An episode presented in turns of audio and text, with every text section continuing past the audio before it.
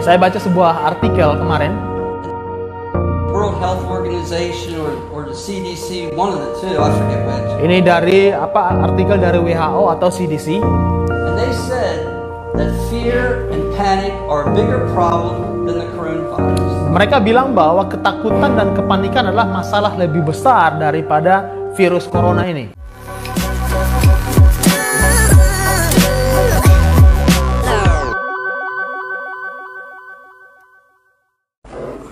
Tonight, we will, I want to look at the coronavirus. Malam ini kita bahas sedikit mengenai coronavirus And the reason is this dan alasannya karena I'm sick and tired of terlalu banyak saya capek dengar orang omong di luar sana. There's all this stuff floating around. Terlalu banyak hal yang disebarkan di luar sana. Almost every Facebook post, every Instagram post, every WhatsApp post. Hampir setiap postingan Facebook, Instagram, WhatsApp ada coronavirus. There's just all this stuff. Ada semua ini People's lives are being dominated by this coronavirus. dan hidup kebanyakan orang ini uh, apa seolah-olah terdominasi oleh virus ini. And like I said, Dan seperti yang saya bilang, I'm tired of it. saya capek lihat semua itu. So tonight, I'd like to look at this coronavirus Jadi malam ini saya akan coba lihat, kita akan sama-sama lihat tentang virus corona ini and help us to understand how much we should really be afraid of it dan kita coba akan lihat sebenarnya apa yang harus kita takutkan sebenarnya dari hal ini. and ultimately how we should look at that as a Christian. Dan paling utamanya adalah bagaimana sebagai orang Kristen kita melihat hal ini. So I'm assuming you have all heard of the coronavirus. Jadi saya uh, bisa berasumsi kita semua sudah cukup familiar dengan coronavirus ini. And some of you have probably been guilty of spreading propaganda. Bahkan mungkin beberapa dari kita bersalah karena menyebarkan propaganda yang salah mengenai virus ini. so I would like to hear what your reaction is to this coronavirus. Jadi saya juga ingin dengar kira-kira reaksi teman-teman bagaimana mengenai virus corona ini. We usually do like a discussion type instead of just straight preaching. Since you're new. so yeah, what is what is some of your reactions to the coronavirus? Kira-kira reaksinya teman-teman seperti apa terhadap coronavirus ini? English? Ordinary. Ordinary. James has the best reaction. He shut off his business. He's so worried his hair fell out. James saking khawatirnya sampai rambutnya rontok ya. So I've heard fear, panic, ordinary. Apparently, Banyak yang bilang care. ketakutan, panik. Kalau Indah bilang biasa saja. What? Worry. Worry? Okay. Now, I want to tell you guys this. Saya ingin bilang begini. I have had this amazing revelation from God. Saya selalu dapat pewahyuan luar biasa dari Tuhan. God has spoken to me, Jadi Tuhan bilang pada saya, and you know what He told me? dan saudara tadi bilang apa? Each and every one of you in this room is gonna die. Firman Tuhan bilang kita semua di sini akan mati.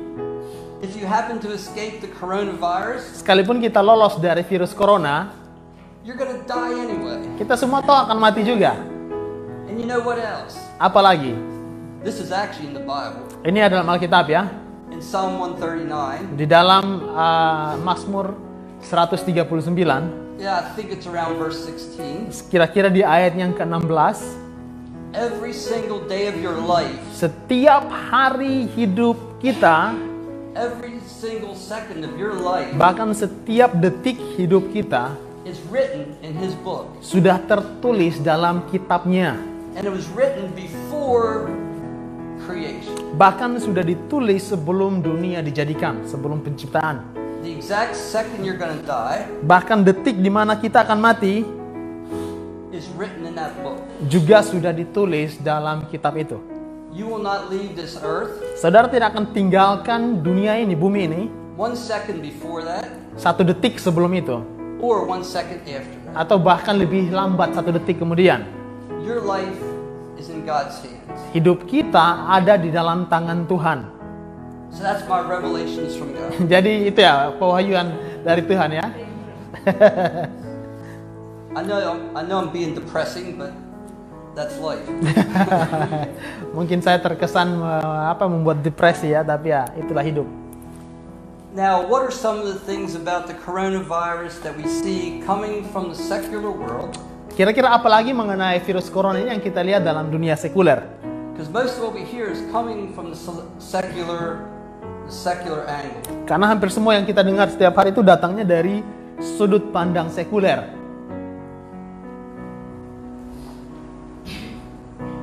You must have heard something. If and scared and fear and panic, you must have heard. Pasti saudara sudah dengar sesuatu kan? Kalau nonton tiap hari. Ya James?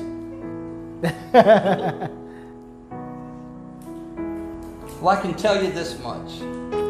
Most of the stuff you've heard from the secular angle is negative.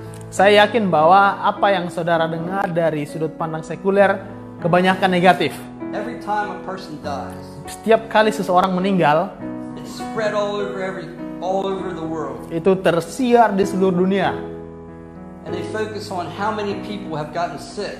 Dan biasa fokusnya pada seberapa banyak orang yang sudah sakit. But you realize so far most of the cases are in China. Tapi kita lihat bahwa kebanyakan kasusnya ini terjadi di Cina And I think close to 75% of them dan hampir sekitar mendekati 75% are getting better. sudah membaik. But you don't hear too much about that fact. Tapi saudara tidak banyak dengar kan mengenai fakta itu. I talked to Terry, you guys remember Terry? Saya bicara dengan Terry yang sudah teman-teman kenal juga. And in a couple months he's going to India. Nanti beberapa bulan lagi dia akan ke India. So he's kind of paying attention. Jadi dia juga cukup kasih perhatian khusus. The couple cases they had in India Ada beberapa apa kasus di India are cured. juga sudah sudah sudah terselesaikan. And also that most of the people that die Dan kebanyakan dari orang-orang yang meninggal are older biasanya orang-orang yang lebih tua and already have health problems. dan juga kebanyakan mereka sudah terlebih dahulu punya masalah kesehatan. You see, but you don't hear much about that. Tapi saudara tidak dengar itu kan, tidak banyak dengar.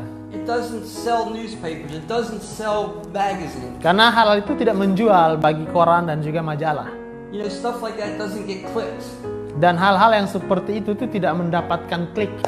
And so we have to be very careful about how we gather our information. Jadi kita harus berhati-hati bagaimana kita mendapatkan informasi-informasi kita. You know, as I was thinking about this, Jadi saat saya merenungkan hal ini, you have a greater chance of dying on the roads in Kupang than you do of dying from the coronavirus. bagi saya lebih cenderung kita punya kecenderungan untuk mati dari apa di lalu, lalu lintas Kupang ketimbang mati karena coronavirus. And every single one of you Setiap dari kita di sini is going to go out on that road later tonight. pasti sebentar keluar di jalan depan sana. If they if they named that road Corona, Kalau misalnya mereka namakan jalan itu jalan Corona, you'd be afraid to go. pasti saudara takut lewat situ. You see, we got to be very careful how we take in information, how we process. Kita harus berhati-hati bagaimana kita menerima informasi, bagaimana kita memproses informasi. Now, I'm not saying that we shouldn't be aware of what's going on. Saya tidak bilang kita tidak tidak perlu berjaga-jaga dengan apa yang sedang terjadi dan kita saya juga tidak bilang kita jangan jangan berwaspada, tidak. Tapi kita tidak boleh izinkan hal-hal yang seperti ini untuk mendominasi hidup kita. You know, I read an article yesterday. Saya baca sebuah artikel kemarin World Health Organization or, or CDC, one of the two, I forget which. ini dari apa artikel dari WHO atau CDC And they said that fear and panic are a bigger problem than the coronavirus. Mereka bilang bahwa ketakutan dan kepanikan adalah masalah lebih besar daripada virus corona ini. That's coming from secular organizations. Ini datangnya dari uh, organisasi sekuler. And the sad part of it is, Dan yang menyedihkannya adalah so many Christians are a part of it. banyak orang Kristen menjadi bagian di dalamnya. Now, what, how, how do you think we should look at this coronavirus from a biblical standpoint? Menurut teman-teman, bagaimana kita sebagai orang Kristen bisa melihat dari sudut pandang kekristenan atau sudut pandang Alkitab terhadap virus corona ini?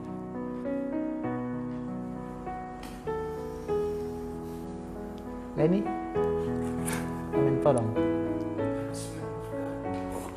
Oh, punishment of God. Yeah, because uh, Chinese people is this. What did he say? well, Indonesian people, Christian, religion, Christian. What did he say? coronavirus is God's punishment because Chinese are thieves. That's judgmental, bro. We have to be careful with that attitude Kita harus hati-hati dengan sikap begitu. Jangan, jangan apa ya? because Di sana ada orang Kristen juga di sana. because of this, in one way or the other, we all deserve punishment. Karena dengan kita mau lihat bagaimanapun caranya, kita juga layak sebenarnya terima hukuman. Plus this, Plus ini, we live in a fallen world. kita tinggal dalam hidup dalam dunia yang jatuh. Ever since Adam and Eve sinned, Sejak Adam dan Hawa berdosa, bad things have been happening. hal-hal buruk sudah terjadi. You know, death, earthquakes. All these things are a result of the original sin. Jadi kita melihat ada banyak uh, gempa bumi, sakit, penyakit, hal buruk yang merupakan efek atau dampak dari dosa asal ini. Now, that's not to say God never uses these things as judgment, Ya kita juga tidak bisa bilang bahwa Tuhan tidak pakai hal-hal ini sebagai penghakiman. but we have to be careful that we don't just jump to that conclusion. Tapi kita harus hati-hati supaya jangan sampai kita langsung meloncat pada kesimpulan itu. So, what else, from the biblical aspect, what else do you think we should be thinking, or how should we? Coba kita lihat dari sudut pandang Alkitabiah, apa yang bagaimana kita melihat hal ini.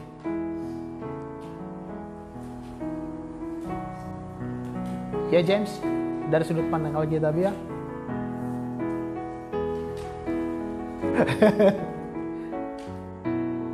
Well, we already said the one thing: everyone's to die. Tadi kita sudah bilang satu hal, setiap orang akan mati nanti. I heard it said before: no one gets off of this earth alive. Saya pernah pernah dengar satu kutipan, tidak ada seorang pun yang keluar hidup-hidup dari bumi ini. So we all have an end date, Kita semua pasti punya tanggal akhirnya. and that is biblical. Dan itu Alkitabiah. Also, God is in control. Dan yang penting juga adalah bahwa Tuhan itu pegang kendali. The theme for tonight is God is not dead. Tema malam ini adalah Tuhan itu tidak mati. You know, people's, you know, back in the U.S., people would sometimes ask me, "Oh, how are you doing?" Di orang-orang Amerika tanya saya, eh kabar kamu bagaimana? And I would say, "I'm doing great Saya bilang, saya sangat luar biasa di sini. because God's still alive. Karena Tuhan saya masih hidup. If God dies. Karena kalau Tuhan mati, saya payah, saya masalah. punya But as masalah. long as God is alive, Tapi selama Tuhan hidup, I'm good. saya aman-aman saja. So God is in control. Jadi Tuhan itu masih pegang kendali. God knows exactly what is going on. Dan Tuhan tahu dengan pasti apa yang sementara terjadi sekarang.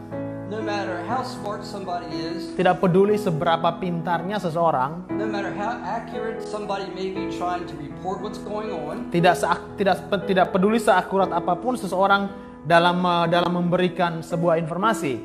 they do not know what's going on as well as God does. Tidak satupun dari mereka yang tahu secara pasti seperti sebagaimana Tuhan tahu. Do you realize that God has worked the coronavirus into his? Tahukah saudara bahwa Tuhan juga bisa memakai virus corona ini dalam rencananya? Dan ini bukan sebagai reaksi terhadap apa pun yang seorang katakan atau lakukan. He had this plan before anything, before creation. Rencana ini sudah ada jauh sebelum dunia dijadikan. You know, we have to start to try to understand how big our God is Jadi kita harus mulai untuk memahami betapa besarnya Tuhan kita ini. and how much He loves us Dan bagaimana, bet- betapa dia begitu mengasihi kita. and how well He actually has everything planned. Dan bagaimana dia sudah mengatur segala sesuatunya dalam rencananya. Is there anything else you can think of?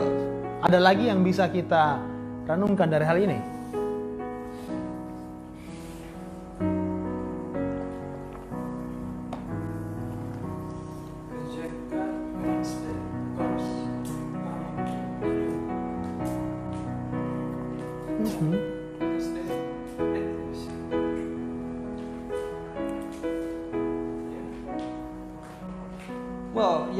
Yeah. When you reject God, eventually, you know, that's going to catch up with you. God's going to judge.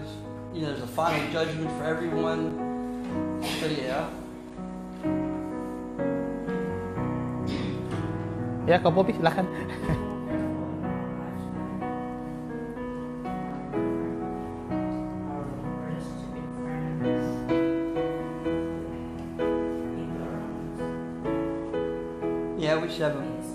Yeah, we need to have a better awareness of who's around us and, and what's going on and their needs. Oh yeah. But remember who is the God of this world, of this earth, at this time. Yang harus kita ingat juga adalah bahwa siapa yang sekarang menjadi Tuhan atau penguasa atas dunia ini. You remember ever hearing about this guy called Satan? Saudara mungkin pernah dengar seseorang yang namanya setan. You know, when he was expelled from heaven Ketika dia dilemparkan dari surga and God created all the earth and everything, dan ketika Tuhan menciptakan dunia ini, and Adam and Eve sinned, Adam dan Hawa berdosa. guess who was there? Coba perhatikan siapa yang ada di sana. Satan. Setan. Satan is involved in this. Setan ber- terlibat.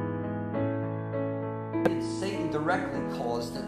Saya tidak lang saya tidak bilang atau setan ini yang secara langsung me- membuat.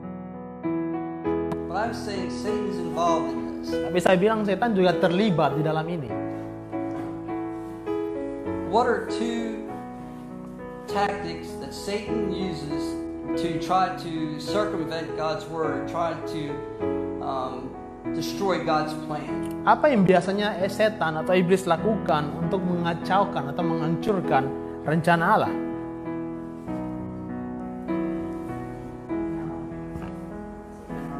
Terror? Apa lagi? Okay.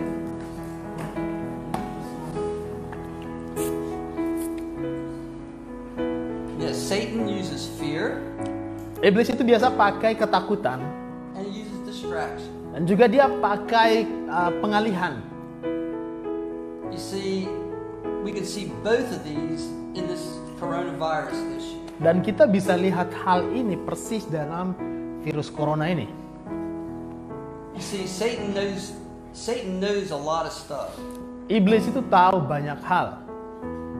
If you've given your life to Christ, Kalau saudara sudah serahkan hidup pada Kristus, Satan knows he can never have you. satu hal yang iblis tahu adalah bahwa dia tidak bisa saudara.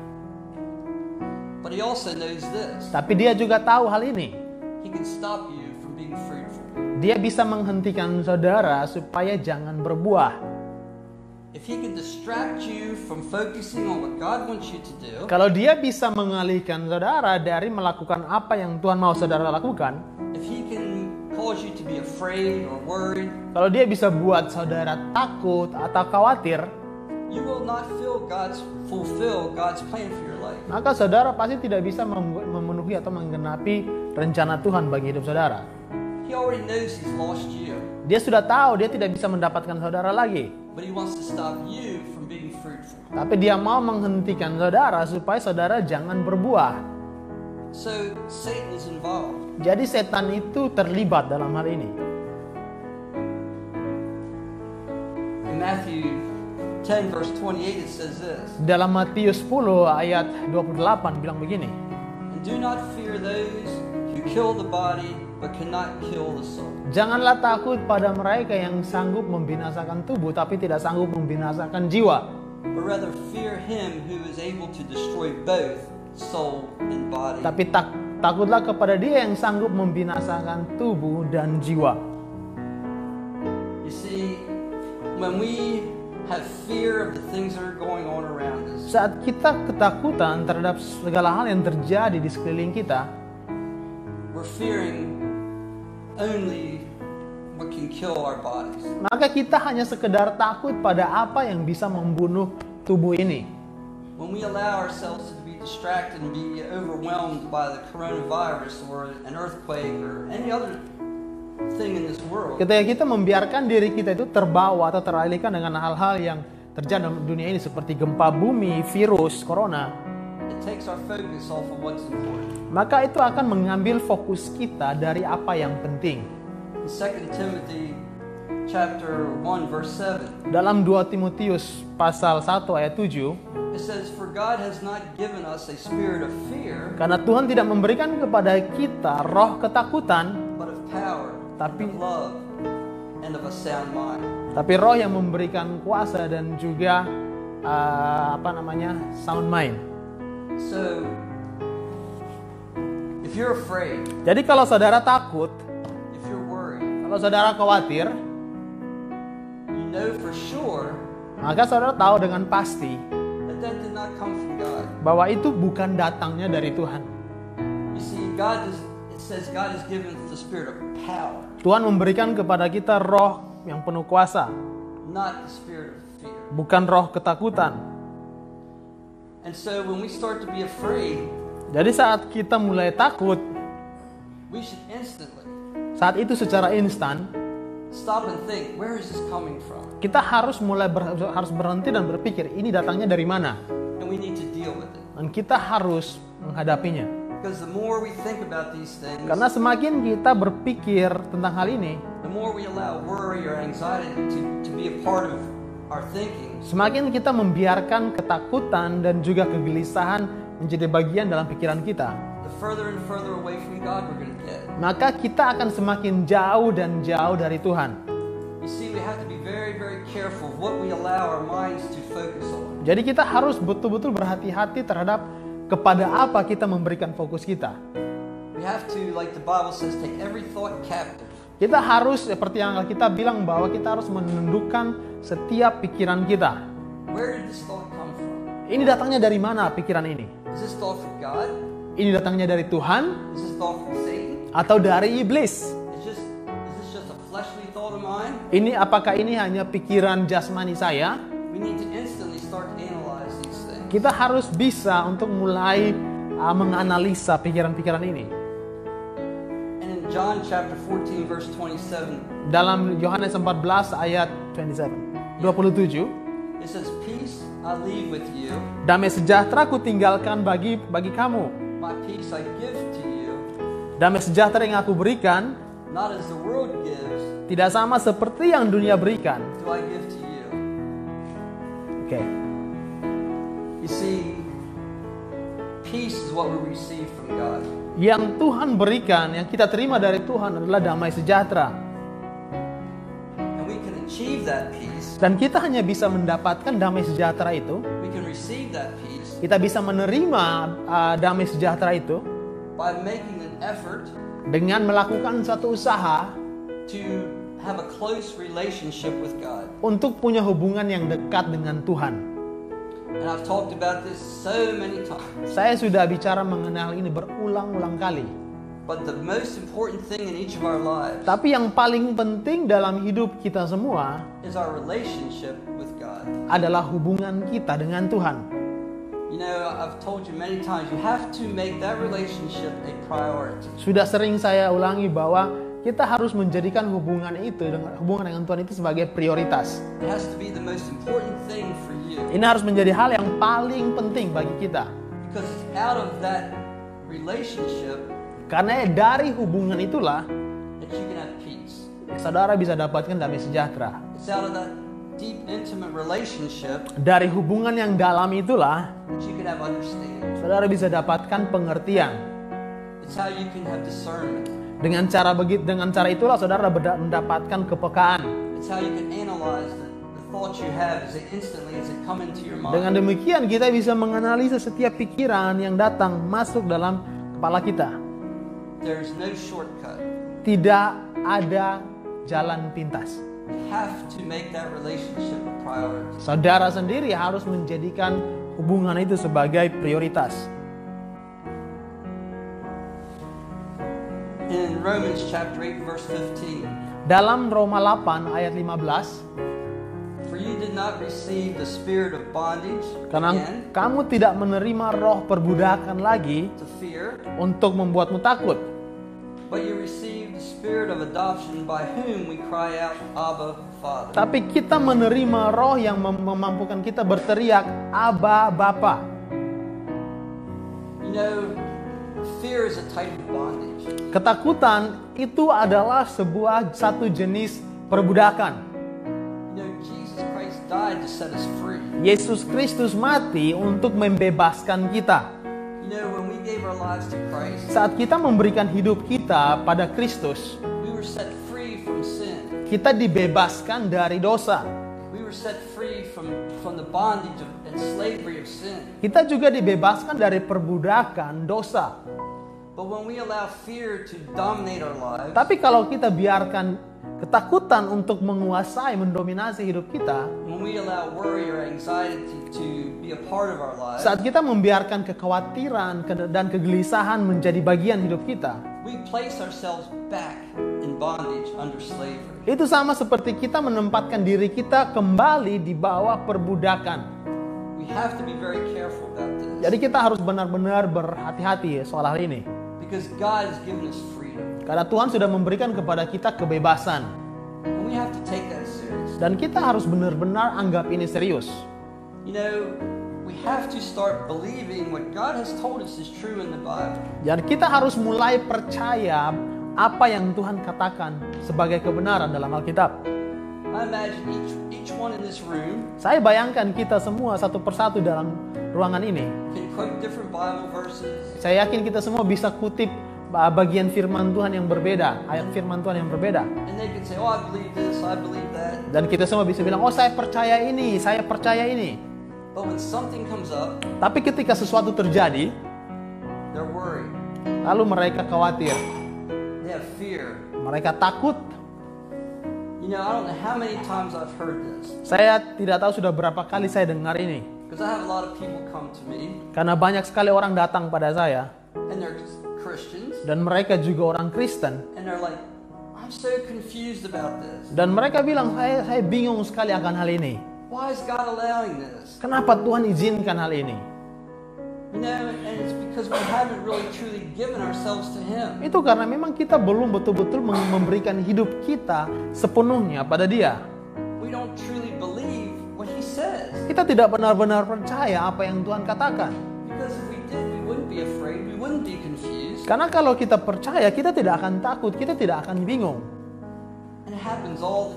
Dan ini terjadi berulang-ulang kali. And 1 John 4:18 tells us this. 1 Yohanes 4 ayat 18 bilang begini. There is no fear in love, Di dalam kasih tidak ada ketakutan. But perfect love casts out fear. Sedangkan melainkan kasih yang sempurna itu mengalahkan ketakutan. Because fear involves torment. Karena dalam ke- ketakutan ada pen- penyiksaan. But he who, who fears has not been made perfect in love. Tapi dia yang dia, dia yang uh, yang takut tidak sempurna dalam kasih. Barang siapa takut, ia tidak sempurna dalam kasih. And then it says we love him because he first loved us. Kita mengasihi dia karena dia terlebih dahulu mengasihi kita. You see, God loved us. Allah mengasihi kita God still loves us. dan dia masih mengasihi kita. God loved us before the beginning of time. Dia sudah mengasihi kita sebelum waktu itu dimulai. His love never changes. Kasihnya tidak pernah berubah. God's love for us is perfect. Kasih Allah kepada kita itu sempurna. And because of that love, Dan karena kasih itu, we can love him. kita bisa mengasihi dia. And notice what it says. Dan perhatikan apa yang dikatakan di sini. Perfect love casts out fear. Kasih yang sempurna melenyapkan ketakutan. If we truly love him, Kalau kita benar-benar mengasihi dia, we truly believe him, kita benar-benar percaya pada dia, we should not fear. kita jangan takut lagi. You see, fear is basically this Karena ketakutan itu sebenarnya adalah ini.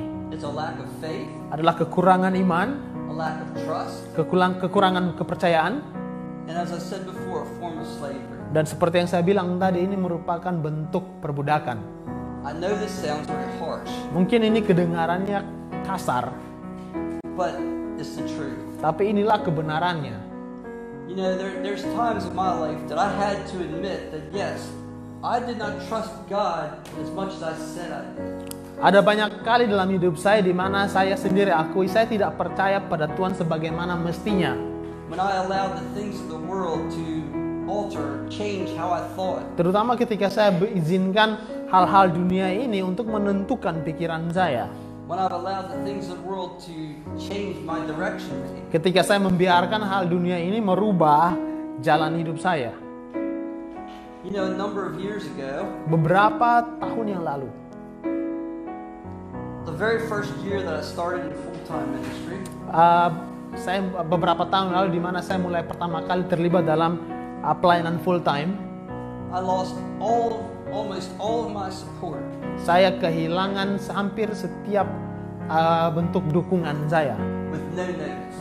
tanpa ada pemberitahuan. And you know what my first thought tahu yang menjadi pikiran pertama saya.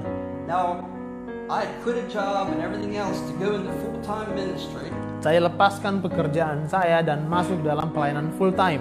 but my first thought was this, Tapi pikiran pertama saya adalah begini, I have to quit. saya harus berhenti. I have to get a regular job. Saya harus dapat pekerjaan reguler. You see, there was a time when I had, I allowed the things of the world, the, the financial, to distract me. Ada saat di mana saya, saya, biarkan uh, hal dunia ini, terutama hal finansial untuk mengalihkan saya. To, to be afraid of the future. Untuk membuat saya takut akan masa depan. How am I going to pay my rent? Bagaimana saya akan bayar uh, kontrakan saya? How am I going to buy food? Bagaimana saya akan beli makanan? How am I going to put gas in my car? Bagaimana saya beli bensin untuk mobil? You see, all those things run around in my mind. Semua semua pikiran ini berputar-putar di kepala saya. But I praise God for this. Tapi saya memuji Tuhan karena hal ini. The more I thought about that, Semakin saya memikirkannya, the less peace I had. semakin saya tidak punya damai sejahtera. And God has taught me over the years Dan Tuhan ajar saya sepanjang tahun ini bahwa ketika kita tidak punya damai sejahtera terhadap suatu keputusan yang akan kita ambil, lebih baik kita memikirkan memikirkannya kembali.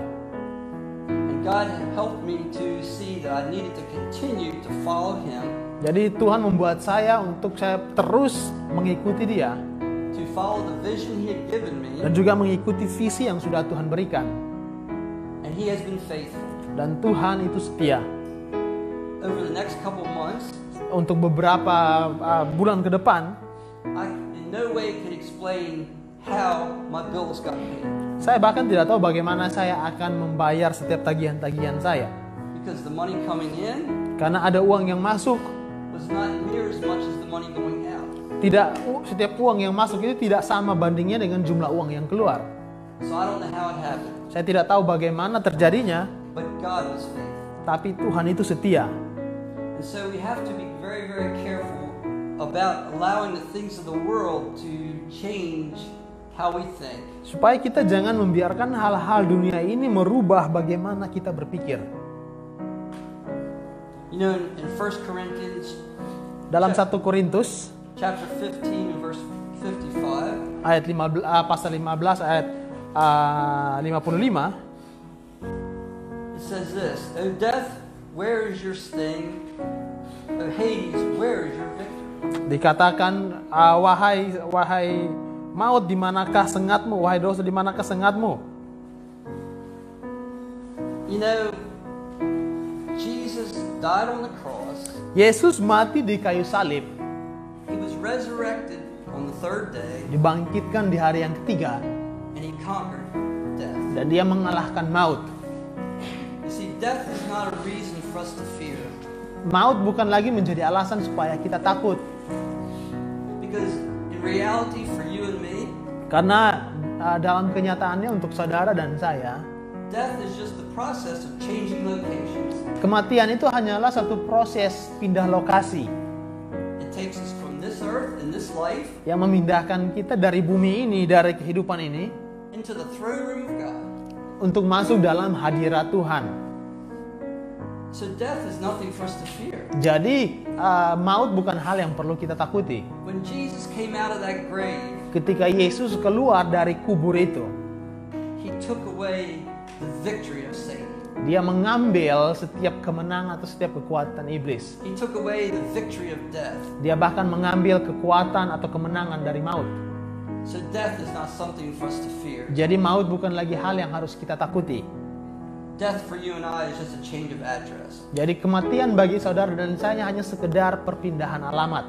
In the reality, we should be looking forward to that. Dan bahkan sebagai kenyataannya kita harus menantikannya. And if we looked at Romans chapter 8, verses 35 to 39, Kalau kita lihat dalam Roma pasal 5 ayat uh, 35 Roma pasal 5 Romans chapter 8, oh, Roma pasal 8 sorry. 35 to 39. ayatnya yang ke 35 sampai 39 Who shall separate us from the love of Christ? Siapakah yang akan memisahkan kita dari kasih Kristus? Shall tribulation, Penindasan? Or distress, atau kesesakan? Or persecution, atau penganiayaan? Or famine, atau kelaparan? Or nakedness, atau ketelanjangan? Or peril, atau bahaya? Or sword? atau pedang? As it is written, seperti ada tertulis. Oleh karena engkau kami ada dalam bahaya maut sepanjang hari. Kami telah dianggap sebagai domba-domba sembelihan. Things tapi dalam semuanya itu kita lebih daripada orang-orang yang menang. Oleh dia yang mengasihi kita. Sebab aku yakin bahwa baik maut maupun hidup baik malaikat-malaikat maupun pemerintah-pemerintah baik yang ada maupun yang ada sekarang maupun yang akan datang atau kuasa-kuasa yang di atas atau maupun di bawah atau sesuatu makhluk lain tidak akan dapat memisahkan kita dari kasih Allah yang ada di dalam Kristus Yesus Tuhan kita. Apa saudara percaya itu?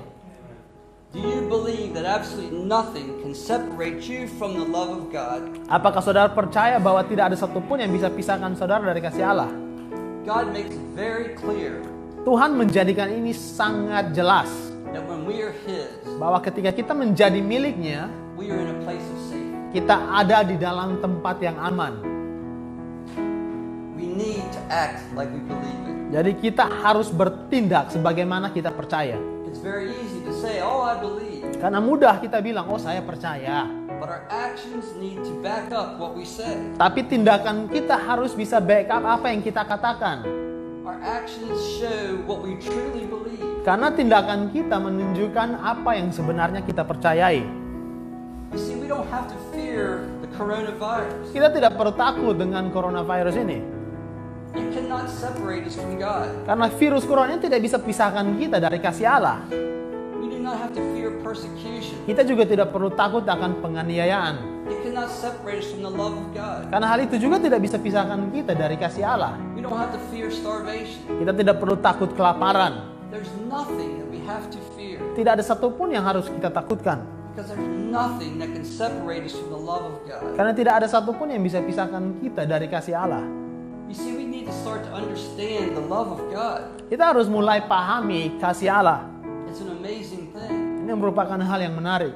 You see, we're used to the love of people, Karena kita terlalu terbiasa dengan kasih manusia. and sometimes it's good, Kadang baik, sometimes it's bad, kadang buruk. depending on moods, Tergantung pada mood, depending on actions. tergantung pada tindakan. But God's love is stable. Tapi kasih Allah itu stabil. You cannot do anything to make God love you more. Saudara tidak bisa lakukan apa pun untuk buat Tuhan mengasihi saudara lebih lagi. You cannot do anything to make God love you less. Saudara juga tidak bisa lakukan sesuatu untuk membuat dia sedikit atau lebih kurang mengasihi saudara. God's love for you is exactly the same. Kasih Allah buat saudara itu tetap sama. Every Di setiap detik dari setiap hari sepanjang hidup saudara. It cannot change. Tidak akan pernah bisa berubah. Dan tidak ada satupun yang bisa pisahkan saudara dari kasih itu.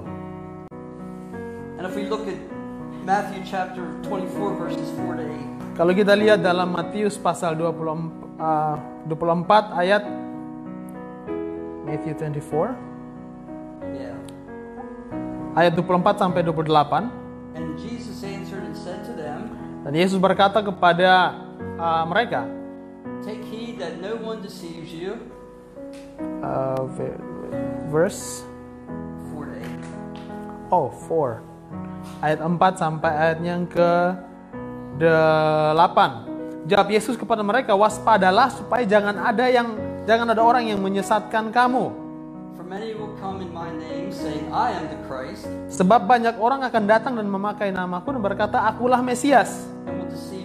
Dan mereka akan menyesatkan banyak orang.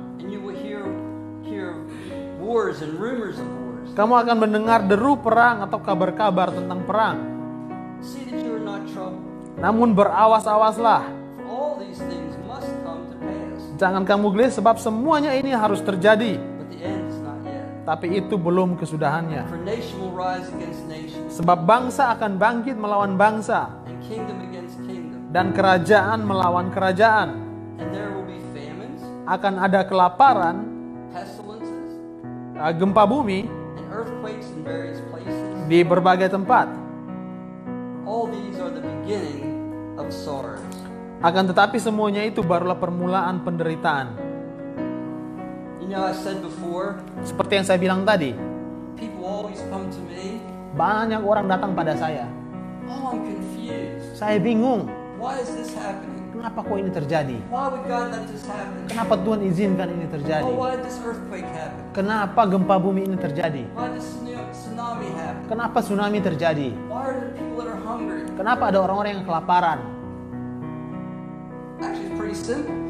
sebenarnya simpel sekali God said it would happen. karena Tuhan sendiri bilang akan terjadi We live in a fallen world. kita hidup dalam dunia yang jatuh Yeah, God created everything perfect, kita Tuhan menciptakan segala sesuatu sempurna but sin messed all that up. tapi dosa menghancurkan semuanya It's a natural part of life now. ini sekarang menjadi hal yang alami dalam hidup And according to God's word, dan menurut firman Tuhan it's going to keep getting worse. akan semakin buruk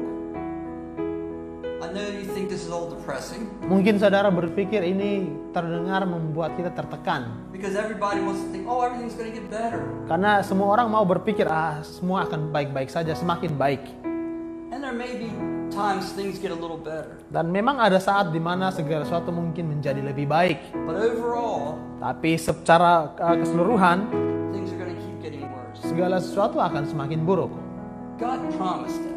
Karena Tuhan sendiri sudah menjanjikan itu You see, God says that you're going to hear wars and rumors of wars. dan dia bilang bahwa engkau akan mendengar kabar dan deru perang Almost every day you hear about a new war somewhere. hampir setiap hari kita dengar berita tentang perang di satu tempat If it's not wars again between countries, bukan bukan cuma perang antar negara it's wars between different groups of people. bahkan perang antara kelompok-kelompok masyarakat yang berbeda It talks about the pestilences and, bahkan bicara mengenai kelaparan dan juga wabah penyakit. Kita lihat itu semua di seluruh dunia. Dan virus corona hanya merupakan satu salah satu bagian dari dalamnya.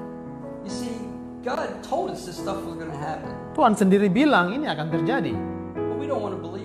Tapi kebanyakan kita tidak mau percaya kita percaya kita kan orang Kristen. Jadi segala sesuatu akan baik-baik saja. Hidup itu pasti sangat menyenangkan. Kita ini kebal terhadap semua itu. Tapi saya, saya tidak suka harus menghancurkan balon imajinasi saudara. Karena itu itu merupakan kehidupan di dalam dasar neraka ini. Itu bukan satu kenyataan. But the balance to that is this Tapi untuk menye- menyeimbangkannya, we can have peace, kita bisa punya damai sejahtera. we can have joy Kita bisa punya sukacita in the midst of everything that goes on, no matter how bad it is. di tengah-tengah semua ini ter- terlepas dari apa pun yang terjadi. Because we saw earlier, God says, Peace I give to you. Karena seperti yang kita dengar tadi bahwa Tuhan sendiri bilang, damai sejahtera ku berikan kepadamu.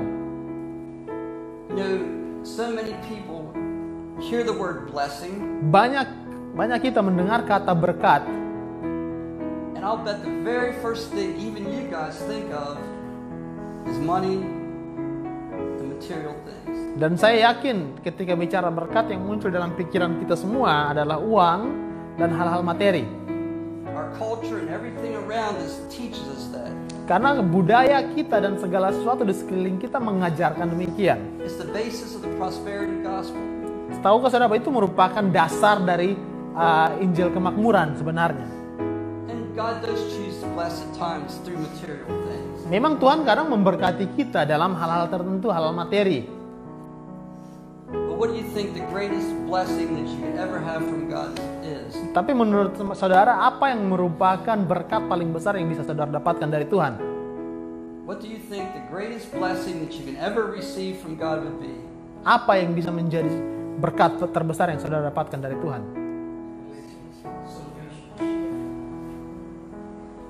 Our salvation would be the very first thing, but as a Christian, after our salvation, what would be the very Keselamatan memang menjadi hal yang pertama, tapi setelah kita menjadi orang yang diselamatkan, apa yang hal paling besar yang bisa kita dapatkan? Damai sejahtera. Exactly. You know, no matter how bad your problem is, Tidak peduli seberapa besar masalah saudara, if you have peace, kalau saudara punya damai sejahtera, you can deal with it. saudara bisa menghadapinya. Because perfect peace, there's no fear. Karena dalam damai sejahtera yang sempurna itu tidak ada ketakutan. Perfect peace, there's no worry. Dan dalam ke, ke- dalam ke, damai sejahtera yang sempurna tidak ada ke- ke- kekhawatiran. And there again, we need to spend time with God. Dan karena itu kita perlu untuk luangkan waktu dengan Tuhan. We need to work on our relationship with God. Kita harus mau mengupayakan hubungan kita dengan Tuhan. The closer we are with Him, Semakin kita dekat dengan Dia, the more we can have that peace. Semakin kita bisa dapatkan damai sejahtera itu.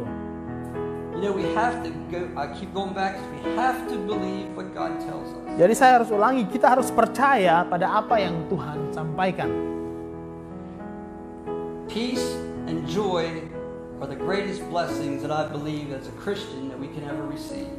Damai sejahtera dan sukacita bagi saya adalah berkat terbesar yang kita bisa dapatkan sebagai orang Kristen. Peace and joy should be a part of our lives. Damai sejahtera dan sukacita harus menjadi bagian dari hidup kita.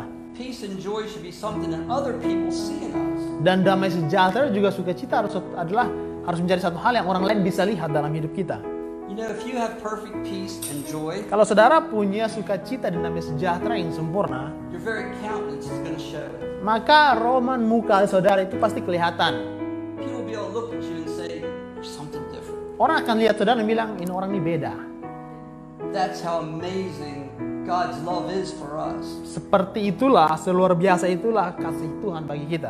We can have that peace. We can have that. Kita bisa punya damai sejahtera itu dan juga sukacita itu. And if we were, then if we looked at John chapter 14 verse 2, Kalau kita lihat dalam Yohanes 14 ayat 2, Jesus tells us this. Yesus bilang begini, In my Father's house there are many mansions. dalam rumah Bapakku ada banyak tempat. If it were not so, Karena kalau tidak demikian, I would have told you. maka pasti akan kuberikan beri, aku sampaikan kepadamu. I go to prepare a place for you. Aku pergi untuk menyediakan tempat bagimu. And if I go to prepare a place for you, Dan kalau aku pergi untuk menyediakan tempat bagi kamu, I will come again and receive you to myself. aku akan kembali untuk menjemput kamu. That where I am, Supaya di mana pun aku berada, there you may be also. di sana pun kamu berada. To me, this is an amazing promise. Bagi saya ini janji yang sangat luar biasa. You know, if we start to look at everything through God's eyes, Kalau kita mau melihat segala sesuatu dari sudut pandangnya Allah, if we start to understand God better, kalau kita bisa untuk memahami Tuhan dengan baik. Dan benar-benar mau percaya pada apa yang Dia sampaikan, maka kita akan percaya bahwa ada sesuatu yang jauh lebih baik menantikan kita. Saya suka rumah ini, tapi saudara tahu. Saya punya satu rumah istana di surga. Ini bukan sebuah mansion. But it says Jesus says he's going to prepare a place for us. Karena Yesus sendiri bilang, aku ke sana, aku sediakan tempat bagi kamu. And it's not going to be a cost. Tidak akan jadi tempat kos, saudara. He's preparing a specific place for each and every one of us. Dia sediakan tempat spesifik bagi kita pribadi lepas pribadi. And you know what? Dan saudara tahu, Our street out front of our house di depan rumah kita ada jalan. is going to be paved with gold. Itu dibalur emas. Pernah saudara pikirkan hal itu? Orang saling membunuh itu karena emas. Sedangkan di mata Tuhan, ini hanya material untuk jalan.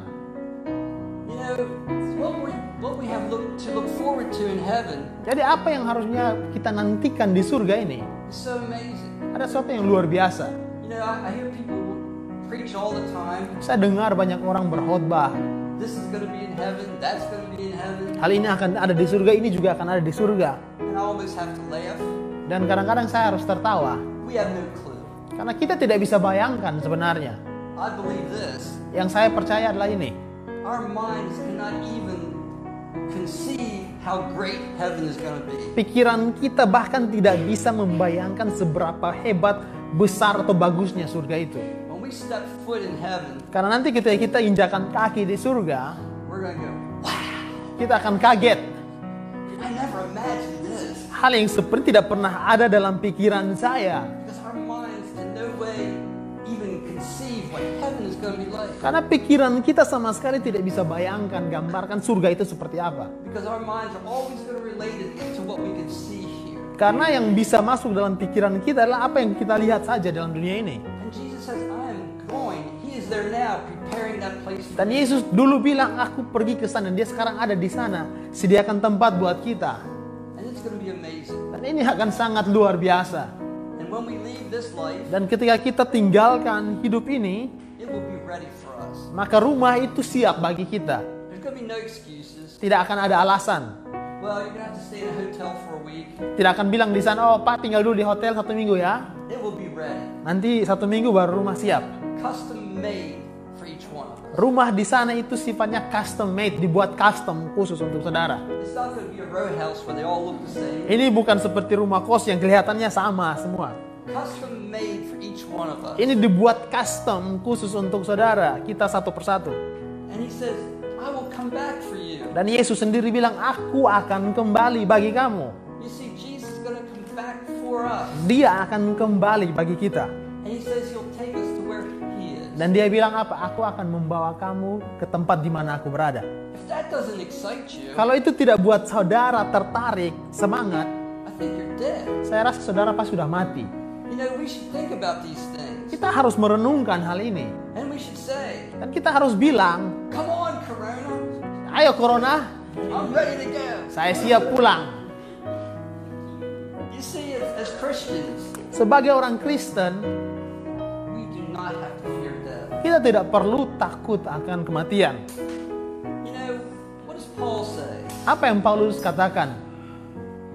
In, in Philippians chapter 1, verses 22 to 24, Dalam Filipi pasal 1 ayat 21 sampai 24. Paul says, But if I live on in the flesh, Kalau ak- kalau hidup yang hidupkan dal- dalam daging ini this will mean fruit from my labor. akan menghasilkan buah.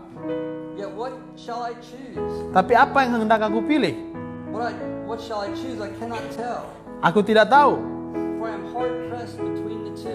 Aku didesak dari dua pihak. Aku ingin pergi dan diam bersama-sama dengan Kristus. Itu memang jauh lebih baik. Tapi lebih perlu untuk tinggal di dalam dunia ini karena kamu. This, this struggle, Jadi Paulus sendiri dia seolah punya satu pergumulan ini. this tension. Ada satu apa kecenderungan. Man, heaven's going to be really cool. Dia bilang, wah ini surga ini keren sekali. Hanging out with Jesus in person every day, this is going to be really cool. Bayangkan tiap hari jalan bersama Yesus, ini keren sekali. It's the best thing. It can't get any better than that. Dan itu akan hal yang paling baik dan tidak bisa lebih baik lagi dari itu. But Tapi work to do here. ap- tapi ada tugas yang harus saya lakukan di sini. You see, Paul had the attitude Paulus itu punya satu sikap. if I'm here, Kalau saya masih ada di sini, it's good. baik adanya. If I'm there, Kalau saya di sana, itu juga baik. you know, as a Christian, you have the perfect situation. Sebagai orang Kristen, saudara punya situasi yang paling sempurna. If you're here, Kalau saudara masih hidup di sini, saudara dapat kesempatan untuk melayani orang lain. Saudara menjadi bagian dalam rencana Allah. Tapi kalau toh kita mati, saudara ada dalam hadirat Tuhan. hanging out with Jesus. Tiap hari jalan bersama dengan Yesus. Saudara tidak bisa kalah. You cannot lose. Saudara tidak pernah kalah. You're victorious no matter what happens. Saudara adalah orang menang apa pun yang terjadi. We have to start to understand this. Kita harus mulai untuk memahami ini. That's what needs to drive us. Itu yang harus menjadi dorongan buat kita. Not the coronavirus, Bukan coronavirus ini, not the earthquakes, bukan gempa bumi, not the evil in, in the world. bahkan juga bukan hal-hal jahat di dunia ini. The love of God in our lives. Tapi kasih dalam kasih Tuhan dalam hidup kita. What He wants for us. Apa yang Tuhan mau untuk kita What He's promised for us. dan juga apa yang Dia janjikan. That should consume us. Itulah yang harus membuat kita terbakar.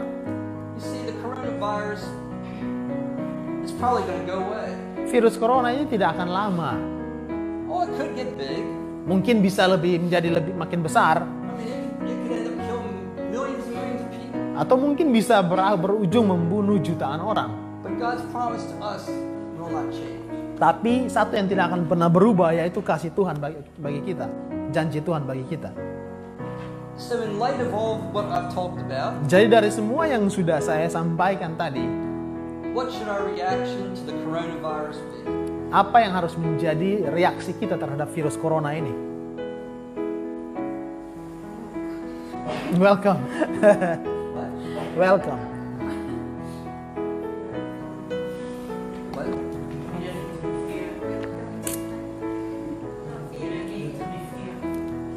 Yeah, we should definitely get rid of the fear thing. But why would, okay, why should we get rid of the fear? Tapi kenapa kita harus tidak takut?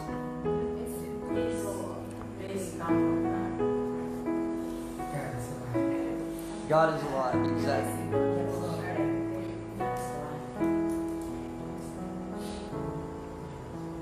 What should be our focus? Apa yang harus menjadi fokus kita? Okay, we need to start with that. That's the place we always have to start. That's that's the foundation of our Christian life. Itu harus menjadi fondasi kekristenan kita ya, hubungan dengan Tuhan. As I've told you many, many times, Mark chapter 12, verse 30 is the foundation of our Christian life. Seperti yang sering saya bilang Markus 12 ayat 30 itu jadi fondasi kekristenan kita. Kasihlah Tuhan Allahmu dengan segenap hatimu, dengan segenap jiwamu, dengan segenap akal budimu, dan segenap kekuatanmu. Everything else is built on that foundation. Segala sesuatu yang lainnya itu dibangun di atas kasih itu. So okay, Apa lagi? so we have to focus on our relationship with Jadi kita fokus pada hubungan kita dengan Tuhan. That'll help us to not be afraid. Itu akan membantu kita supaya kita jangan takut. But what else? What Apalagi? what should all of this cause us to do? Kira-kira apa lagi yang harus dari semua ini apa yang harus kita lakukan? What? Yeah, we, definitely we should more and more every day believe in God's word. Percaya pada firman Tuhan. Doa, Keep what? praying. Praying. We, yeah, that goes along. That's part of our relationship with God. Reading His Word, meditating on His Word, praying, and listening. That's how we develop, build that relationship. So we definitely need to keep praying. Oh ya, apa lagi?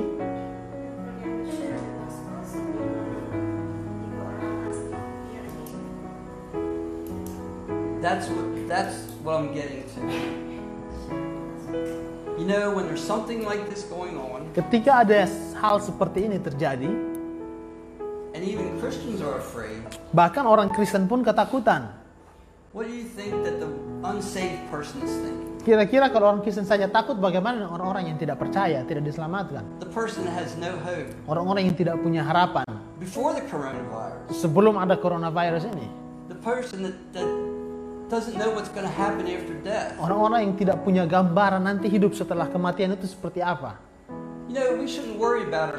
Kita tidak perlu khawatirkan lagi diri kita. If we take precautions to keep healthy, Kalau kita ambil apa, uh, kita waspada supaya tetap sehat itu hal yang baik.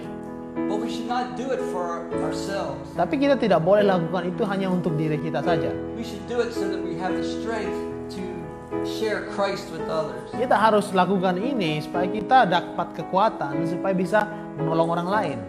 You know, in the U.S., Di Amerika, my pastor there, uh, pendeta saya di sana, at every single funeral, he shares the gospel. di setiap upacara penguburan dia selalu memberitakan He Injil. shares very, very clearly how a person can get saved, Dia- what- and that Christ died for them. Dia akan memberitakan bagaimana seseorang itu bisa diselamatkan, bagaimana Kristus mati bagi mereka. And you know why he does that? Dan saudara tahu kenapa dia lakukan itu? Because every single person in that room is thinking about death. Karena dalam upacara pemakaman, setiap orang yang hadir itu pasti pikirannya ada pada kematian. Every single person is thinking about their own mortality. Setiap orang yang hadir pasti memikirkan tentang kekekalan mereka nanti. Dan mereka perlu untuk mendengar tentang Yesus. Many people get saved at funerals. Banyak orang justru diselamatkan di pemakaman. The same concept with things like the coronavirus or a tsunami or the other evil that goes on, shootings and different things. Konsep yang sama juga berlaku pada gempa bumi, penyakit, sakit penyakit, dan juga hal-hal atau kejahatan yang lain yang terjadi di dunia ini. This coronavirus Virus corona ini has caused many, many people menyebabkan begitu banyak orang to face their own mortality. untuk membuat orang membuat orang itu menghadapi uh, apa ketidakkekalan mereka. It has forced them to think about their, their death and when they're going to leave. Ini akan membuat mereka memaksa mereka berpikir bagaimana dan ke mana mereka akan hidup. And when people are in that condition, Dan ketika orang-orang ada dalam kondisi itu, they're more responsive to the gospel mereka akan lebih respon terhadap Injil. because they're looking for something to hang on to, something that can give them hope. Karena mereka mencari sesuatu yang bisa memberikan mereka pegangan atau harapan. And we have the answer. Dan kita punya jawabannya. We have the only answer that can give them hope. Kita punya satu-satunya jawaban yang bisa memberikan mereka harapan. Kita punya Yesus Kristus. Dia sudah berikan kepada kita hidup. Dan kita sudah bicarakan betapa besarnya hal ini. Saat kita berdoa, we need to ask God to show us those that are around us that need to hear about Him. kita perlu tanya pada Tuhan untuk tunjukkan kepada kita orang-orang di sekitar kita yang perlu dengar tentang Dia. We, Kita perlu minta pada Tuhan untuk buka mata rohani kita. so that we will see the need around us. Supaya kita bisa lihat kebutuhan yang ada di sekitar kita. It's not good enough Tidak cukup for us to just be comfortable supaya kita hanya sekedar nyaman atau berbahagia karena kita akan masuk surga. Tuhan menaruh kita di sini untuk satu alasan. Dan alasan itu adalah untuk berbagi tentang dia. And we've talked about it before. Dan kita sudah bahas ini, bicarakan ini sebelumnya. He's given us the ministry of reconciliation. Dia sudah berikan kepada kita uh, tugas pendamaian. He's called us ambassadors. Dia sebut kita sebagai utusan atau duta-duta Tuhan. Dan dia menentukan kita untuk menghasilkan murid. Kita harus menjadi saksi-saksinya. He has a job for each one of us. Dia dia punya tugas untuk kita satu persatu. And when something like the coronavirus happens, Dan kalau ada sesuatu hal yang seperti virus corona ini terjadi, He's bringing people to us dia hal itu akan membawa orang-orang kepada kita. because people are more open Karena saat seperti inilah orang-orang kebanyakan akan terbuka because they're scared. karena mereka takut. You know, every single person Setiap orang wants peace. mau dapat damai sejahtera. Every single person. Setiap orang, But they can never have it tapi mereka tidak akan bisa mendapatkannya outside of Jesus Christ. di luar Yesus Kristus. Every single person is looking for something to give them joy. Setiap orang itu mencari sesuatu yang bisa memberikan kepada mereka sukacita. Some people look at it, look for it in drugs and alcohol. Ada yang mencarinya dalam obat-obatan dan juga alkohol. Some people look for it in position in, in society. Ada yang mencarinya dalam kedudukan dalam masyarakat. Ada yang mencarinya dalam hal-hal materi. Dan mereka tidak pernah mendapatkannya. Mereka selalu membutuhkan lebih lagi, tidak pernah cukup. Tapi kita punya Yesus. Dan Dia cukup. Inilah satu-satunya cara di mana kita bisa dapatkan suka damai sejahtera yang sempurna. Satu-satunya cara di mana kita bisa mendapatkan uh, sukacita. Jadi kita harus melihat virus corona ini bukan sebagai sesuatu yang perlu ditakuti, tapi sebagai ala sebagai suatu kesempatan untuk berbagi tentang Yesus. This is what I believe that we should, how a Christian should react to the coronavirus. Inilah yang saya percayai harus menjadi reaksi orang Kristen terhadap virus corona. And the next major tragedy that comes along. Dan and juga-. Tragedi-tragedi besar yang akan terjadi sesudahnya. It takes a, uh, we have to have a different mindset. Kita harus punya mindset yang berbeda. Remember, we have to look at everything that happens Kita harus melihat segala sesuatu yang terjadi ini through the eyes of God. melalui mata Tuhan. We have to look at everything through His eyes Kita harus melihatnya dari matanya and ask, dan tanya Tuhan, how would He react to this if He was here? bagaimana Tuhan akan bereaksi seandainya Tuhan ada di sini? How does He want me to react to this? Atau bagaimana Tuhan mau kita bereaksi dalam hal ini? We need to see that lost person that's fearful Kita harus melihat orang-orang yang terhilang yang ketakutan ini sebagai ciptaan Tuhan, as someone that He loves, sebagai orang-orang yang Tuhan kasihi, as someone who Jesus Christ died for. sebagai orang-orang yang baginya Yesus Kristus mati. Kita semua bahagia karena kita semua nantinya ada di surga. Tapi ada tempat lain, namanya neraka.